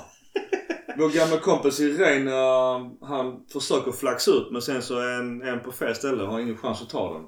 Reina var nog inte tryggheten själv den matchen. Nej, jag han var Han svag. gjorde rätt många konstiga grejer om jag ska vara ärlig. Det är också några bra räddningar, så det ska, Ja, det ska vi ja, ta bort nej, nej, nej. Men det märks att han inte är, att han inte är 25 längre. Vi gör även 2-0 av uh, Hakan på straff. Bra straff.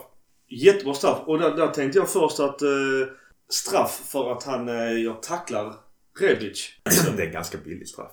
Men jag har sett, nu, nu måste jag lite så advokat. Jag har sett bilder för att, jag vet inte vilken back det är, men, men han, eh, dock har ju sig Rebic lämnat bollen.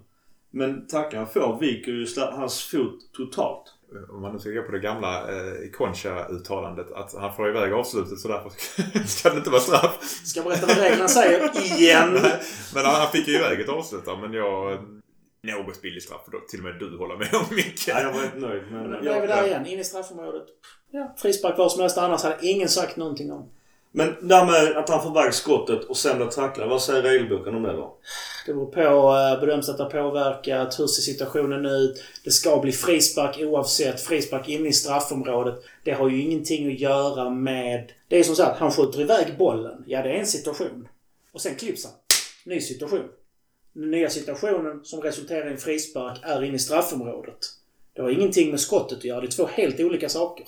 Och det är inne i straffområdet, ja, frispark, straff. Man kan inte dra den eh, parallellen och säga att ja, han fick ju skjuta, då får göra vad vi vill med honom. Hur ska, hur ska man annars bestraffa en vansinnestackling efter någon har skjutit? Ja, men nej, vi kan inte döma någonting för att han har ju faktiskt fått skjuta sitt skott. Nej, nej, det är ju rätt. Men alltså, även om reglerna säger att det ska vara straff om det är straffområdet, om det skulle vara frispark utanför straffområdet, Ja. så drar ju sig domarna för det ofta. Det måste du också hålla med. Ja, ja. Men cred faktiskt. Jag tycker de har börjat bli bättre på att ta straff för det som ska vara straff. Alltså, det, det har ses de inte det mellan fingrarna. Nej, det har de nu blivit i och med att de faktiskt kan dubbelkolla sina beslut. Och, Precis. I alla fall, Lazio kommer tillbaka. Den här pissiga straffen jag pratar om. Där bränner faktiskt Immobile den. Jag är superrädd Donnarumma men Alberto nickar in den när han, eh, Donnarumma står på fel fot. Och sen har de lite eh, luft under vingarna.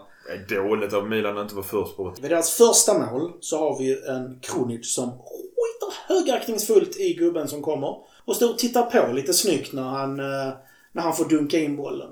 Vid straffen är det Kronic gubbe. Kronic följer inte med honom in. Alltså Kronic var helt under isen i denna matchen. Krunic spelar bort sig den här matchen. Det är jag helt säker på. Jag, jag tror inte han är kvar efter januari. Milan kommer att försöka byta eller sälja honom till någonting för att här spelar han bort sig. Sen ska vi ju faktiskt inte klaga på att de fick en straff för att i slutet när Immobile är det som går in i vårt straffområde va? och bollen är inte inom spelbart avstånd och Kronic tar steget in och stänger honom något så vansinnigt. Där skulle Lazio haft straff.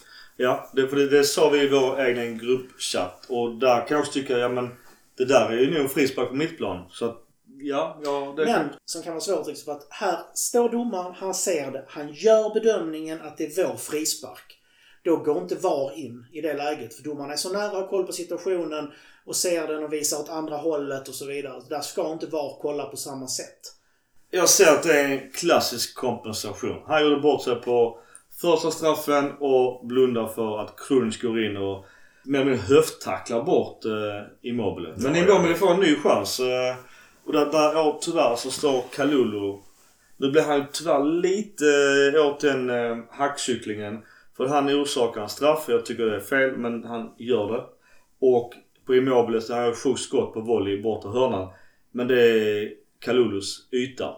Och han är inte alls med i den situationen. Så det, det blir tyvärr min shit eh, i Kalulu. Han är inte redo. Och min hit är eh, Hakan som återigen är eh, vår gigant. Och så får Theo in eh, Hernandez in den här bollen i slutet. Nickmål. Ja. Men där Och har igen. där, där, det jag pratade om innan. De sista 15 minuterna. Där gör, jag tror han hade fyra räder. Och det är också en räd som leder till hörnan. Som sen leder till mål. Och då märker vi att Lazario, eh, Då är de trötta. ja, de är trötta. Och han Patrik skulle egentligen, att han inte fick ett enda gult kort är ju utöver min, min förstånd. Så vi många- kanske ska tacka Inzaghi lite för att han bytte ut Immobile och eh, SMS. För de var ju de bästa spelarna fram Jag till de förstod inte alls det bytet. Jag tror han förstod det själv att det var jävligt fel. Men också någonstans så måste jag säga, hutar in en ny hit. Och det är ju den här enorma gemenskapen och glädjen efter matchen. Okej, att vi är vintermästare, det det är klart som fan, det är ingen titel. Nej, men det är en moralisk titel. Men just den här extrema sammanhållningen och gruppdynamiken. Alltså han var nästan tårögd likt som Calabro blev. Han var utbytt. Han stod ju och nästan grät när, när Theo gör sitt 3-2 mål. Och det, det är så jävla vackert att se. Nej, alltså den är... Det är nästan så jag blir tårögd nu. ja. När var vi vintermästare senast? Vi var väl det 11 när vi vann? Ja, 10-11 va? Ja. Det är 10 år sedan jag var vintermästare. Ja. Men annars något mer att säga om, eh, om Lazio-matchen? Får jag också säga hit och shit i den här matchen? Absolut. Vad snällt, tack. Ja, om du vill. Jag har en dubbelshit och det är Kronic. Alltså så dålig han var. Alltså det är sällan jag sågar spelare och när, när, men när jag gör det så gör jag det ordentligt. Alltså det var, nej. Han borde inte varit på plan och att han inte byttes ut det var ett mirakel på något håll. Eller en skandal. Hitten faktiskt, eh, samarbetet där, Hernandez, Rebic och Hakan. De hade kul. Och det märktes. Men just med Krunic. Milan hade ju faktiskt inget val. Och Kessie avstängd och Benasser skadad. Ja, ja, men alltså när man ser hur dålig han är så hade jag gjort en rockad, Alltså nästan vad som helst. In med Haugen, ner med Hakan. Alltså någonting. Han, han var ju en säkerhetsrisk. Men det är lite verkligen pissa på honom. Men är man dålig är man dålig. Alltså, det här är ingen social verksamhet. Med det resonemanget så, så, så är ju det här när Lagerbäck och Söderberg står i VM 2002 och säger vi kan inte byta ut Albeck för han blir ledsen. Jag vet. Alltså, det är lite det resonemanget du drar här nu. Ja Är men då, så då fanns det ju ändå ersättare på, som Zlatan Jo, jo, jo. på samma position. Jo, jo, men alltså är man kass och är en säkerhetsrisk och är ansvarig för mål i Häcken, ut. Ja, jag tycker det är så. Jag vill, jag Vi kan, väl, vi kan väl jämföra den vi har med Sachi som är frisk. Han får inte spela trots att Kalle Blue har gjort så här många misstag. Det säger inte jag med. Ja. Duarte är också frisk nu. Musacho har ju sina misstag eh, i, i bagaget. Precis. Han har kostat oss mycket poäng. Är det någon vi har hackat på tidigare så är det faktiskt just Musacho. Det är väl Musacho, Biglia, Och Sus, Hakan, och och Hakan. Hakan innan också. Hakan innan han blev bra. Med all rätt, där och då. Alltså det är lite så. Jag, jag vet att nu är vi inne på Svenska fans och härjar jag och skriver med många sköna killar där och kanske tjejer. Men att... Ja, ja, jag har sagt att Rebic var skitdålig innan. Ja, det har jag sagt. Och det står jag för, för det tyckte jag där och då. Ja. Precis som han har varit skitbra också. Och det har jag också sagt då. Det här med att eh, referera till vad man har sagt för en månad sedan. Det är helt ointressant. För jag baserar allting på dagsform. Just nu är Hakan och Hernandez våra bästa spelare i min bok. Utan tvekan. Credit where credit is due. Och är man dålig så ska man höra det. Att man sågas i en match innebär inte att man behöver sågas i nästa match. Och Donnarumma är vår bästa spelare. Min hit i denna matchen är ju faktiskt att, eller att Pioli har fattat att Rebic ska inte vara, vara centeranfallare. Mm. Samarbetet på vänsterkanten är mycket bättre när han spelar eh, vänster och ytter. Men vi har ju våra två sådana. Det är Hernandez, Kronic, Rebic. Eller inte Kronic säger jag. Förlåt. Ber om ursäkt. Hernandez och då eh, heter han... Nu brukar Hakan gå ut men annars är det Benasser och Rebic. Och sen på andra har vi ju Calabria, Kessie, Selemakers. De eh, treorna där har jättebra spel. Hade du en shit på den också? Shitten är väl Kronic då. Om jag ska säga det till denna. Jag kan ångra att vi inte gjorde oss av med honom i somras och kanske skaffa en ny alternativt behöll på Bega. Tog tillbaks Locatelli. Ja, det hade vi kunnat göra det hade jag varit jättenöjd. Och Ja. det kan man väl också då, om vi går tillbaka till Sassuolo-matchen var det ganska skönt att han var eh, avstängd där. Helt avgörande. Nog om eh, Serie A, men vi är vintermästare. Jag tänkte börja med en liten sån här... Eh, Det liten ta- ingen, ja, ingen quiz. Du har en annan grej idag Gurra. ja, jag tänkte ställa Micke och Mackan emot varandra. I lite eh, Milan-kunskap. Jag tror Micke kommer ändå klippa sönder så att allting blir transparent. Ja, men poängen kommer ju ändå finnas här. Och då är det som så. Jag har förberett sex stycken frågor. Ni kommer få tre stycken var. Kan man inte svara på sin fråga så får den andra en eh, möjlighet att svara på den. Första av flera. Vi kör först i 12 poäng totalt. Och då får ni välja vem som ska börja. Micke, du får välja då. Vem börjar? Du eller Mackan? Frågorna läses uppifrån och ner. Då börjar jag. Du börjar. I Champions League-finalen 94 vann vi med 4-0 över Barcelona. Vem gjorde två mål för Milan? Savicevic. Det är fel. Mackan, vill du svara? Var också. Får jag ändra svar? Nej. ja, det står still nu. Daniel Mazzaro. Fan, jag- fan. Mackan, Ja. vi vet ju att vi slog Barcelona i finalen. Vilka slog vi i semifinalen?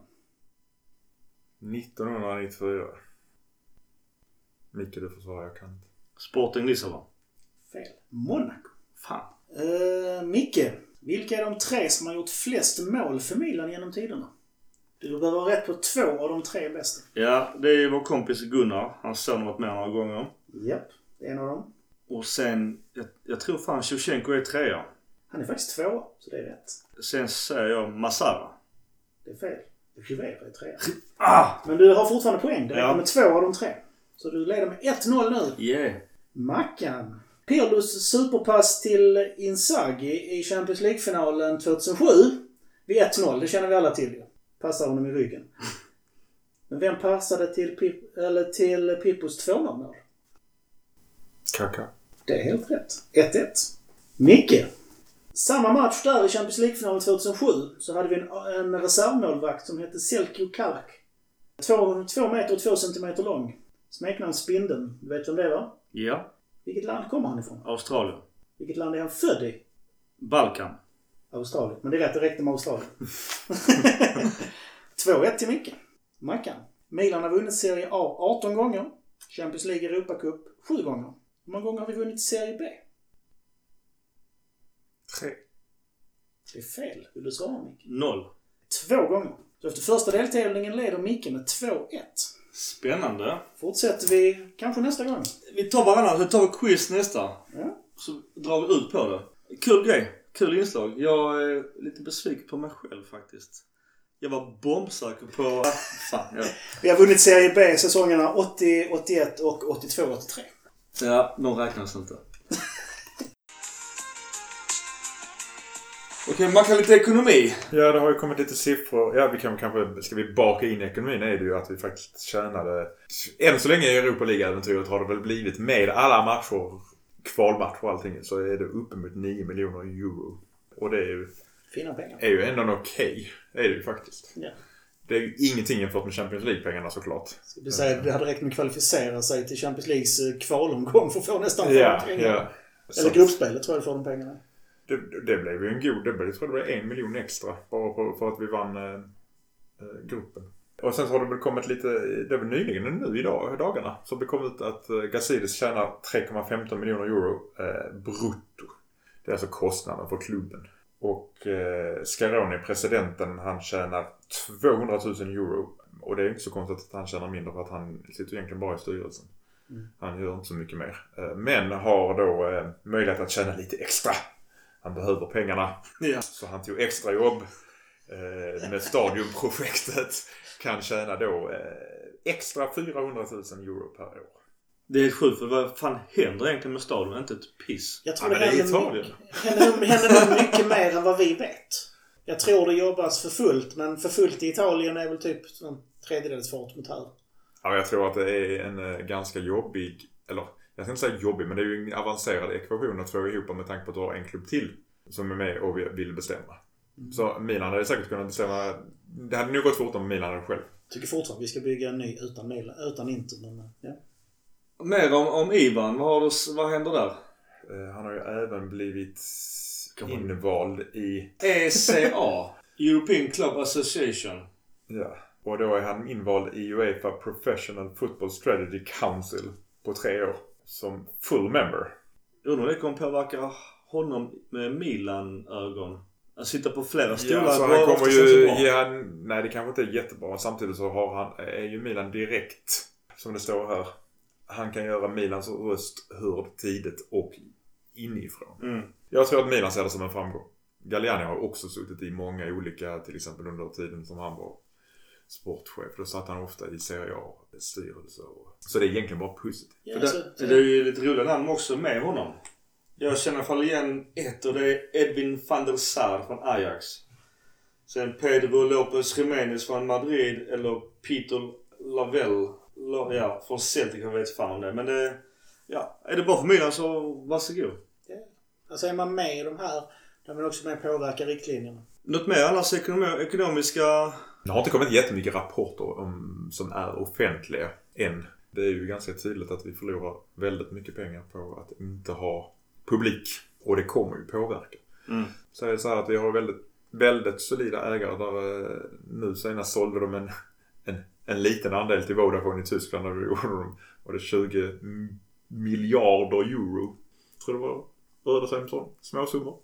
Det är två biljoner kronor. Ja. Det går Så rätt in i att, eh, de har, eh, Eller 20. vi har ju solida ägare helt Mm. Men det går inte bra för Lills ekonomi och där, där de också är ägare. Nu är jag inte insatt i Lille- Lills ekonomi men det Va? beror nog inte...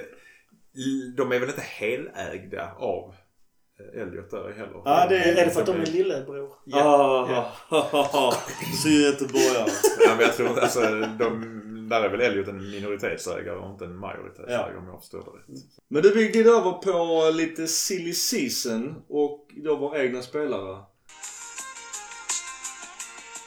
Eh, silly season som sagt. Först och främst har vi en, en hackkyckling, eh, sjukt obefogad hackkyckling i Davide Calabria, vår egen Milan-produkt. Eh, han vill förlänga och vill inte ha en krona eller ens en Han vill inte brödsmula ha en krona. Ja, han vill inte ha en krona mer. Nej, han vill inte ha mer än nuvarande. Och och det är ju så att han får ju... Man måste någonstans också se vad han gör. Eh, Det är visst, nej det är inte mål. Nu gjorde han ju sin mål senast eh, mot, eh, mot Genoa här. Men han har 4,6 tacklingar per game. Och eh, 6,3... Brytningar tror jag kan kalla det. Okej, okay, 6,3 ja, brytningar, eh, försvarsskills på, sin- på 90 minuter. Och det är faktiskt bäst i hela jävla Europa. Och de som tycker han är kattpiss hoppas jag ändå tar åt sig lite av det. Förmodligen inte men jag vill ändå ha det sagt. Eh, mycket för att han förlänger utan att ha mer pengar. Och eh, det är väl egentligen ingen idag som, som säger att högerbacken är en akut silly season post. Här har vi en jätteintressant skillnad. För back, backar vi ett år sedan så hade jag sagt sälj honom, casha in, köp en riktig högerback som klarar av försvarsspel. Nu löser han försvarsspelet. Nu har han levererat i en halv säsong ungefär. Och varit riktigt bra. All heder där. Vi har en annan spelare som också, som vi varit inne på innan. Och han vill inte ha mer pengar för han vill bevisa att han faktiskt klarar av det här.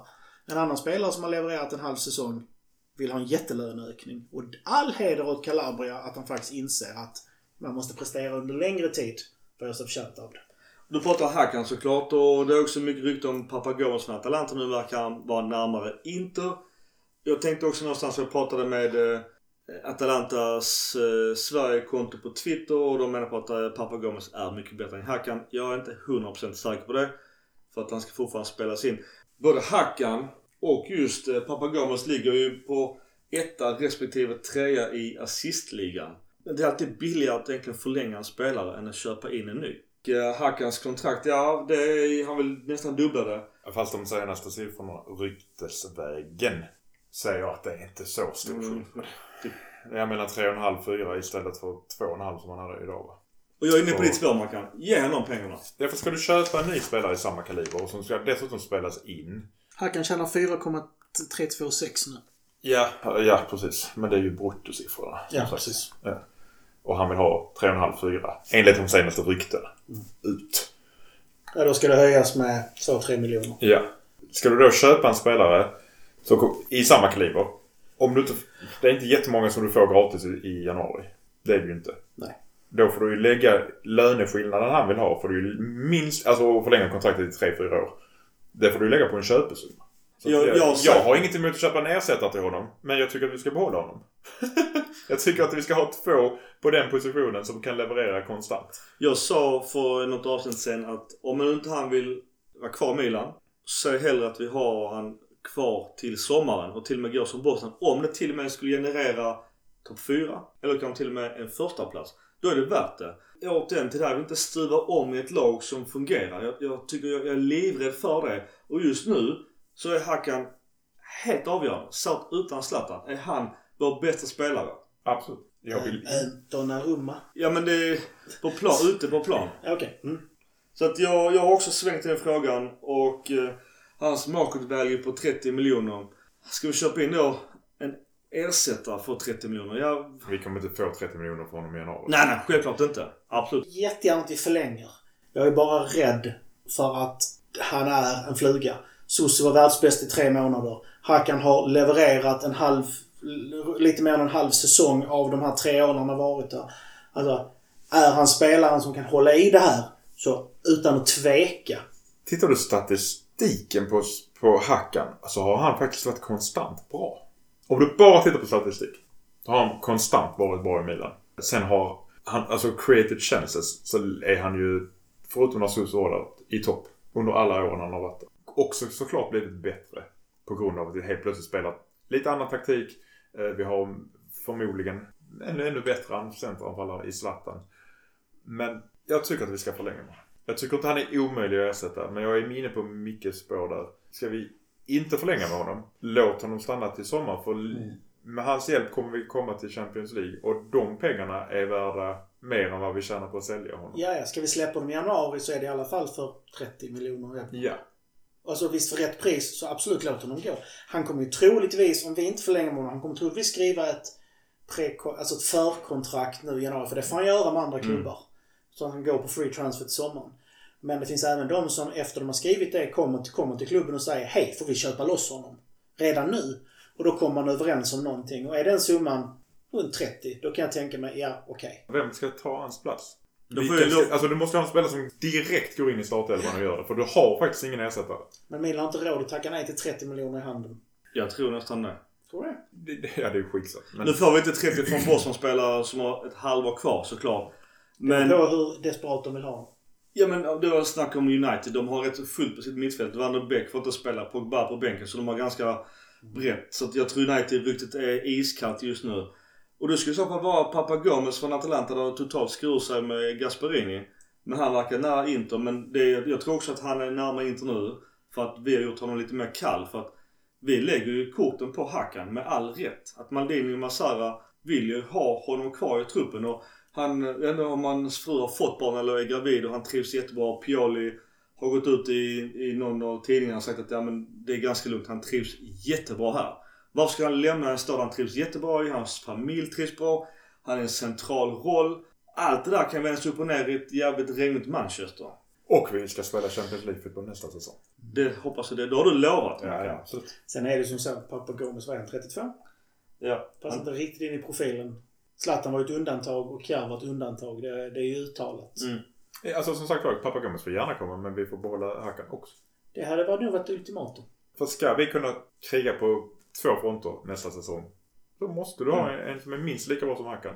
Det är ju snack om att byta Caldara mot Papagons. Oh. Dock en skadad Caldara men Det är frågan vad Atalanta vill där. Ja. Men i alla fall, vi lämnar Hakan. Det är Den blir intressant. to be continued som man säger. Anfallsspelare. Många pratar ju om vice Zlatan. Och Jovic är ju en spelare från Madrid som har varit eh, ryktesman. Både till Premier League och jag vet inte om det är bara vi Milan-fans som kanske vill se honom för att han funkar bra med Rebic i Frankfurt. Jag kollar i alla fall med eh, Kristoffer Kviborg som är full koll på Madrid just om den här frågan. Och jag menar, alltså, jag läser till. Jovic är en spelare som Real Madrid nog gärna blir av med. I dessa ekonomiska coronatider är det viktigt att kapa löneposter. Jag tror inte Real Madrid är så intresserad av av att betala delar av hans lön. Då är det bättre att han är kvar och avlastar Benzema. Jovic var bra i Frankfurt som en av två anfallare. I ett 4-3-3-lag får han större problem. Han har inte alla egenskaper för att vara världsklass som ensam nia, är hans bedömning av Jovic som har full koll på Madrid. Och då är frågan, är då den egenskapen det vi ska lägga en massa pengar på? Han har skitdyr lön. Alltså det är ju Zlatans siffror på lönen. Runt 10. Jättebra anfallare. Krasst hade fått in honom så hade vi inte behövt oroa oss för skador på Zlatan om jag nu får säga något sånt. Men... Eh, jag hittar inte det men eh, han, eh, han, i alla fall har han tidigare under hösten sagt att han inte vill gå till Italien. Och nu har han svängt sagt att han vill gå till Italien. Vilket nog mer säger om att, hur mycket man ska lita på alla skriverierna eftersom de kan ändras från dag till dag. Men eh, det är en kille som vet var målet finns. Han gör mycket mål. Han levererar. Inte hittat rätt i Real men eh, inte för de pengarna. Mackan, vad säger du om Jovic? Jag håller med att vi behöver en ersättare till Zlatan. Det är ganska tydligt. Där är ju frågan, vad ska vi göra? Ska vi ha en, som kan bli den nya Zlatan eller ska vi ha en som eh, är beredd att vara ersättare till den nya Zlatan också? Förstår ni vad jag menar då? Och Jovic är väl i så fall en som ska bli den nya Zlatan. Ja. Och inte en ersättare. Har han egenskaperna för att vara den nya Zlatan? Eller den ensam anfallspunkten man kan slänga upp bollen på, andas lite, stångas, armbåga lite. Ja, ja. Flytta upp resten av laget. Det tror jag absolut. Jag är inte alls säker på att han är det. Hittar han och Rebic varandra, som de gjorde i Frankfurt, så... Alltså, Ja. i, I och med att vi spelar med ett flytande, alltså vi kör ju inte en statisk ensam anfall utan ett flytande anfallsspel. Men så att anfallarna, yttrarna, går ju in som extra anfallare så att han blir ju inte ensam. Real spelar en helt annan typ av spel. Men när vi är defensiva och nedtryckta så kan vi slänga upp bollen på Zlatan. Och han stångas så vi får andas och får, kan flytta upp våra spelare.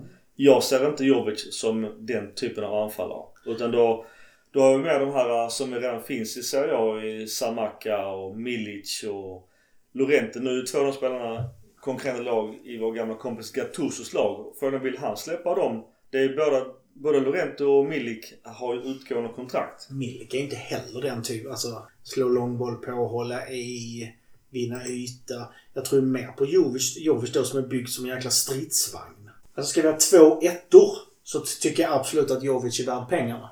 Ponera tanken. Vi förlänger ett år till Zlatan. Han kan ju lära sig jättemycket av honom. Precis. Så ska vi hitta en, en som kan bli den nya Zlatan så är det nog en... en där är också frågan vad det kostar att köpa honom. Och vilken lön han vill ha såklart. Mm, Naturligtvis. Han har typ 10 miljoner euro i, i Real. Och det lägger inte Milan på. Det Nej, tror jag nej. inte Milan gör. Ytterligare en etta som kan alternera. Och vad, de vill gärna ha tillbaka lite pengar vad de gav. De gav 57 miljoner. Det är jättemycket pengar. De gav för honom. Så då kanske det finns bättre alternativ för de pengarna. Eller så lånar man in honom, tar hela lönesmällen nu under våren för att ha en, en ersättare som kan leverera. Skicka tillbaka honom till sommaren eller köper honom när vi får in Champions League-pengar. Jag det kan jag tänka mig att, att det blir en dyr lönepost fram till sommaren. Och sen så får ni tillbaka honom. Kanske en klausul på någon form av option. Men sen att de är lugna nog kan börja leta en vice Zlatan. Och jag har också lite utgående kontrakt eh, förutom Milik. Eh, jag, jag vet inte hur en sån som... Är det som Cavani kan vara? Han är 33. Ja. Diego Costa är väl den person jag skulle se som mest lik Zlatan. Han är 32. Vänta, vänta, vänta. Var inte du som pratade om harmoni i truppen? Stabila spelare. Och så sitter du igen och filar på Diego Costa. Men det är det som är... Men det är, alltså Cavani. Ja. Det är faktiskt min första tanke på en direkt ersättare till Zlatan. Jag är helt med på den också. Jag måste bara säga det med Costa för att ja det är baksidan att han är ju ett rövhål. Men han gör ju det här rövhåleriet på ett positivt sätt på plan.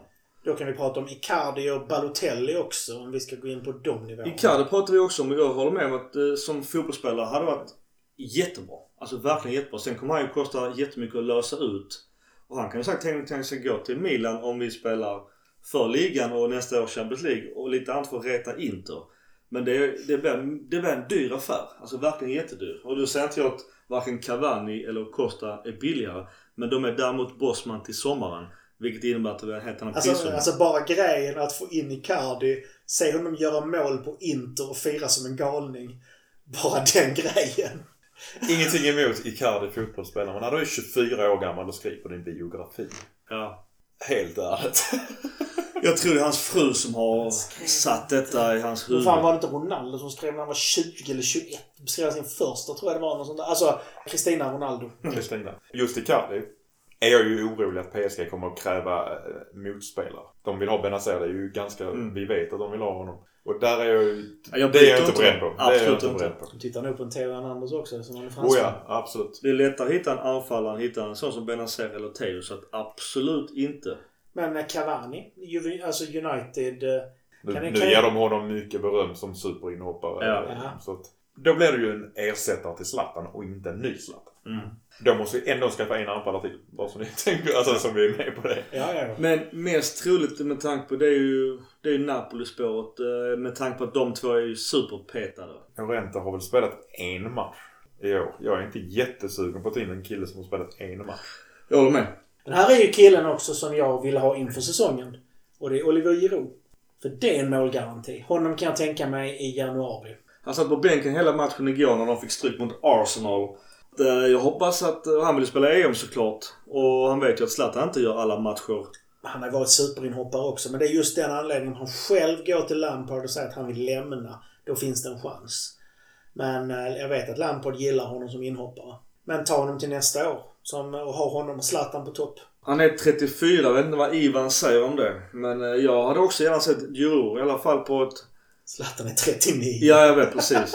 Och sen som Mandzukic har ju också nämnts. Han har ju varit iskall. Han har inte rört en boll på ett halvår. Så jag vet inte hur pass bra han är idag ens. Där tycker jag att vi är för sent ute.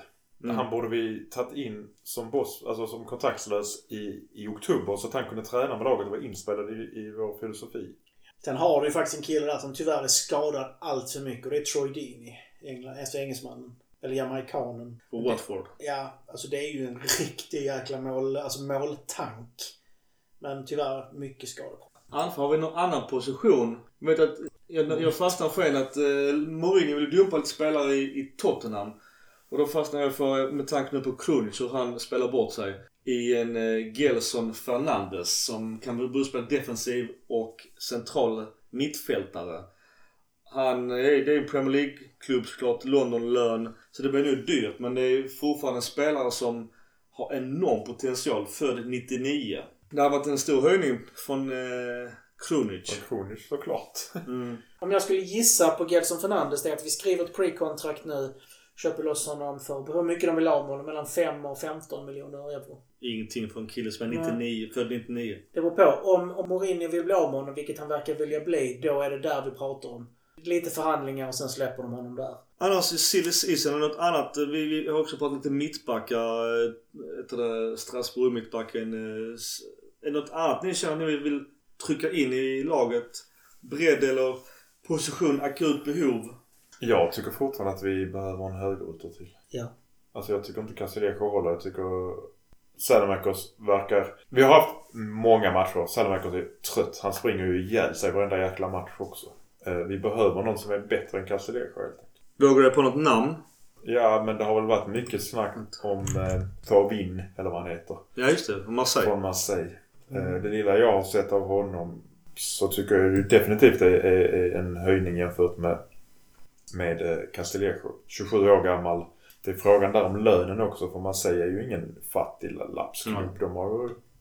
Men han har utgående kontrakt. Det kostar ingenting om vi får honom i sommar. Vilken nivå är det, det vi ska sikta på? Just nu har vi ju ingen toppklass. Vi har en Salamakers.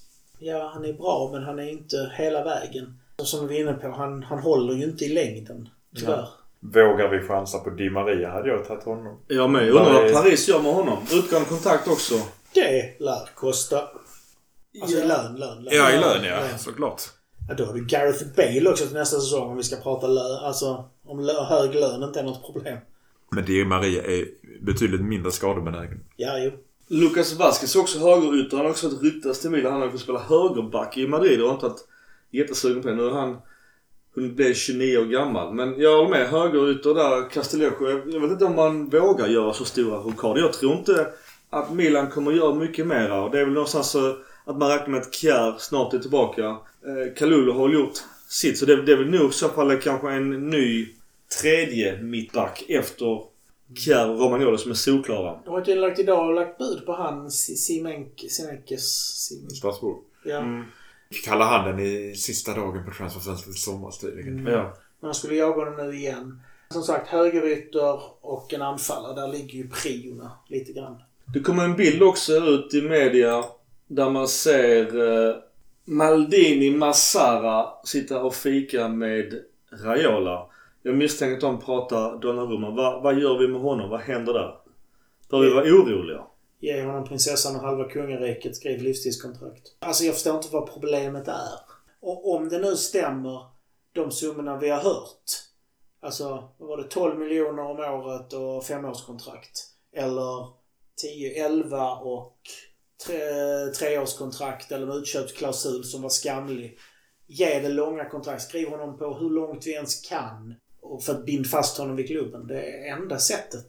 Jag tror Raiola vill ha några klausuler. Nu gissar jag såklart att eh, han ska spela Champions League. Gör vi inte det så kanske någon klausul per automatik införs. Och vad nu det är, det vet jag inte. Alltså den känns fair ändå. Och om... Men då ska den vara fortfarande hög. Alltså det ska ju fortfarande vara att han kostar mer än Kepa. Vi pratar en av världens bästa målvakt. Jag, jag har sagt att skulle vi sälja, släppt honom så skulle det ligga mellan 120 och 150 miljoner pund. Euro. Eller då, eftersom vi pratar om han. skitsamma. Ja, ja. Vi pratar om en av världens bästa målvakter som är, vad är han, 21, 22. Och född 99. Hans potential framöver kan ju bli hur bra som helst. Och det är ju en fanbärare, en kulturbärare.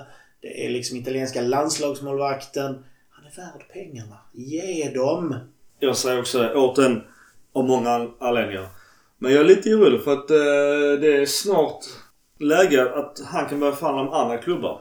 Två dagar kan han skriva förkontrakt med andra klubbar. Då kan ju Paris, Madrid, Londonlagen, Manchesterlagen kan, kan skriva vilka summor som helst. Du kan bara ge, som gjorde med Kaká i City, blankt blad. Skriv vad fan du vill på lappen. Det finns en klubb som behöver en ny målvakt. Och det är ju Chelsea. De köpte ju nu. Ja, ja men det, det, det är bara en tillfällig lösning. De kommer, de kommer gå all in, misstänker jag, på att ge Donnarumma ett vansinnesbud. Jag var ju med i en Chelsea-podcast, eh, engelsk. Eh, väldigt kul. Vi pratade mycket managertermer. Men det var ju, de var ju på och gällande Donnarumma redan där och då. Och det, då var det ju ryktet här med Kepa plus en massa pengar. Och, och, ja, fair enough. Alltså Kepa kanske kan göra bra i en icke lika pressad klubb som, som Chelsea. Men eh, jag sa där och då, det, det kommer att kosta extremt mycket pengar att få loss Donnarumma från Milan. Om inte nu han kanske till och med går som bossman. Det hade varit fruktansvärt och han pratar mycket om sin kärlek och man ser också på matcherna att han, han älskar klubben. Men någonstans måste han ändå fan visa det också på sitt kontrakt. Kepa och Hakim Ziyech rakt av. Ja, det hade varit trevligt. Jag tror det stora problemet här är ju just agenten. Vad tjänar agenter pengar på? Klart Raiola. Mm. Övergångssummor och eh, signing bonus. Precis. Han vill ju givetvis att, att Donnarumma ska byta klubb. Det är det han tjänar mest pengar. För han har ju även Zlatan. Så de här grabbarna, Massara och Malin, har ju träffat honom förr. Så frågan är hur deras snack är. Alltså jag fattar alltså. Mirabelli blev det ju katastrof med. Men någonstans där gick ju faktiskt Donnarumma själv in och skrev på. Och jag tror någonstans så får nog Donnarumma återigen själv faktiskt ta tag i För det är han som ändå har yttersta ansvaret. Det är han som skriver på lappen. Det är inte något pistolhot. Alltså Raiola kan bara rådgiva honom. Det är inte han som bestämmer. Det är inte så att han har ett juniorkontrakt i Milan heller. Utan han är faktiskt redan mångmiljonär. Just nu tjänar han 9,994 miljoner euro innan skatt. Ja, och han är 21 år gammal och har kanske 15 år kvar av fotbollen. Så att, jag menar, det, han kan inte bara göra för pengarna. Och då gör, tar sig till Champions League kan han till och med ta en ligatitel med klubben han älskar som har tagit fram honom. Alltså, jag, jag tror den stora stötestenen är, som du sa, var inne på Micke, en utköpsklausul. Hur mycket pengar ska det vara och när ska den kicka in? Mm. För jag tror inte Milan är intresserad av att den ska vara där alltid. Nej.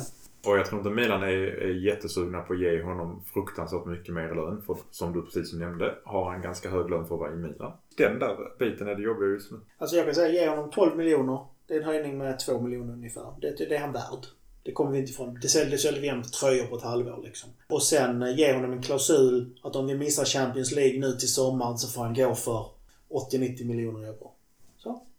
Det hade de tagit. Jag är Ja. ganska övertygad om det. Ja, det, det ska vara med en Kepa.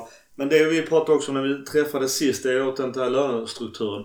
Om vi går till Champions League så är det egentligen inte alls på samma problem. Då kan vi fortfarande ge Zlatan den här höga lönen. Vi kan ge Donnarumma höga lönen. Han kan få, kan få sin lön. Och sen så kommer han en kontrakt med Romagnoli också. Om man nu eh, visar sig vara värd. För det första, att hitta mittbackar är lite lättare än hitta målvakt kan jag tycka. Det hänger mycket på Champions League men det finns ju orosmoln på himlen kan jag tycka. Eller inte. Ja. Man kan se det på ett sätt att eh, Milan har fokuserat på de områden vi behöver förstärka på för att vi vet att vi kommer att förlänga med Donnarumma. Alltså vi hoppas ju det. Alltså det är, vi kan bara sitta och spekulera menar Ja. jag. Det är det jag menar. Men det är frustrerande för nu sagt nu är det, nu är det två dagar. Ja, och frågan är när kommer han kanske tappa fokus från Milan och ett ligatitelrace? För att han får massa checkar från Paris och Manchester etc. Tänk om man tar fokus från hans extremt bra prestationer. Då, då blir det bara kattpiss av det. Alltså, Jag vet inte. Han har så jäkla mycket pengar redan så... Jag, vet, alltså, jag kan förstå att det kan locka att tjäna mer pengar såklart. Men det tar det verkligen fokus från honom. När du tjänar 5 miljoner om året. Nej, jag tror inte han har pengar utan bara så. Okej, nu har jag fått all in Paris, all in Manchester, all in La Liga. Att, att det, det är det. Alltså inte att han kommer få dubbelt så mycket. Ja, fast Real Madrid är en rik klubb. De tycker det är jobbigt med Jovic lön just nu. Enligt Kviborg i alla fall. Det är ju inte den ultimata säsongen att ge ett jättekontrakt till en, en spelare som är 21 år gammal och varit jättebra i, i Milan. Men du vet ju inte hur han presterar i Premier League. Nej. Speciellt då Chelsea kanske borde fundera lite med tanke på att de redan har gjort den där affären en gång. Och det inte blev jättebra. Kepa. Ja. Sen vet man inte heller vad Juventus vill göra. Chesney är skitbra. Ni får Chesney och en jävla massa pengar och kanske Bernadeschi. Då måste vi börja tänka efter. Det blir helt plötsligt jättejobbigt. Bernadeschi vill jag inte ha. Nej okej men Chesney och... Dybala. något, ja, det, Han är, ja, han, han är det, Dem- halvgammal. Demiral. ja men de kan fortfarande ge oss pengar och kanske en, till och med två spelare. Fortfarande vara så, fan vi vill ändå ha landslagsettan.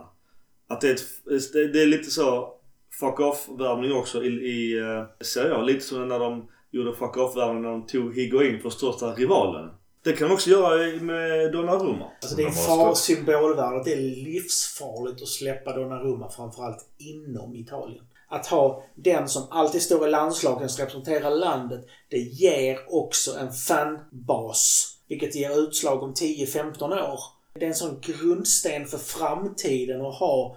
Jag kan inte se att, vi har, att någon tjänar på att sälja honom eller släppa honom. Okej, vi kör en uh, hit and shit då. Vill du börja Gurra? Hitten är som jag sagt så många gånger nu, trots en formsvacka och mycket skador, att vi inte förlorar. Och det är sånt som äh, ger resultat längre fram. Jag tänker inte jinxa som du gör. Shitten är ju hur vissa spelare har gått bort sig så totalt. Jag blev så besviken på Kronic och hur han levererade och så vidare. Jag kan ta fanan. Jag, Iten är ju ganska klar. Det är att vi fortsatt är serieledare. Det har gått så pass långt att, jag vet inte hur många veckor i rad det är men att vi har blivit vintermästare. Och det är någonstans också, återigen till, vi pratar mycket mjuka värden och symbolvärde. Det hoppas jag att det har ett extremt stort symbolvärde och att det leder någonstans även sen fram i maj. Eh, shitten är ett, eh, jag personligen börjar svänga om VAR. Jag har sagt det tidigare, jag har mycket mer att säga om det. Men jag tycker att det är skitbra egentligen men om inte det används på rätt sätt så är jag rädd för att det kan slå bakut. Mackan? Jag hitten i lagmoralen i matcher där vi är mindre bra och ändå lyckas ta poäng eller till och med vinna. Jag tycker väl i och för sig inte att vi var särskilt dåliga mot Sassuolo till exempel. Jag tyckte vi var till och med riktigt bra mot Sassuolo. Shiten är nog egentligen att de spelarna som man hade lite förhoppningar på som Leao framförallt. Jag är osäker på honom. Han måste... Han får hårfönen helt enkelt. För han måste skärpa till sig för han är loj. Och valpig. Säg inte det till Micke. Skicka med Zlatan för prylar. Ja men det tycker jag nästan han skall.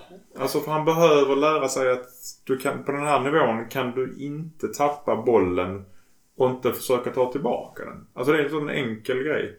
Och han har ju dessutom orken till det. Det är inte det att han är 39 som Zlatan. Han har ju faktiskt orken till att göra det. Där kan jag tänka, tycka att eh, jag ser orosmoln på lagmoralen. Att du måste faktiskt arbeta hemåt. Jämfört då med Redic. Som faktiskt arbetar hem i princip allt. Forza Milan! Forza Milan! Forza Milan.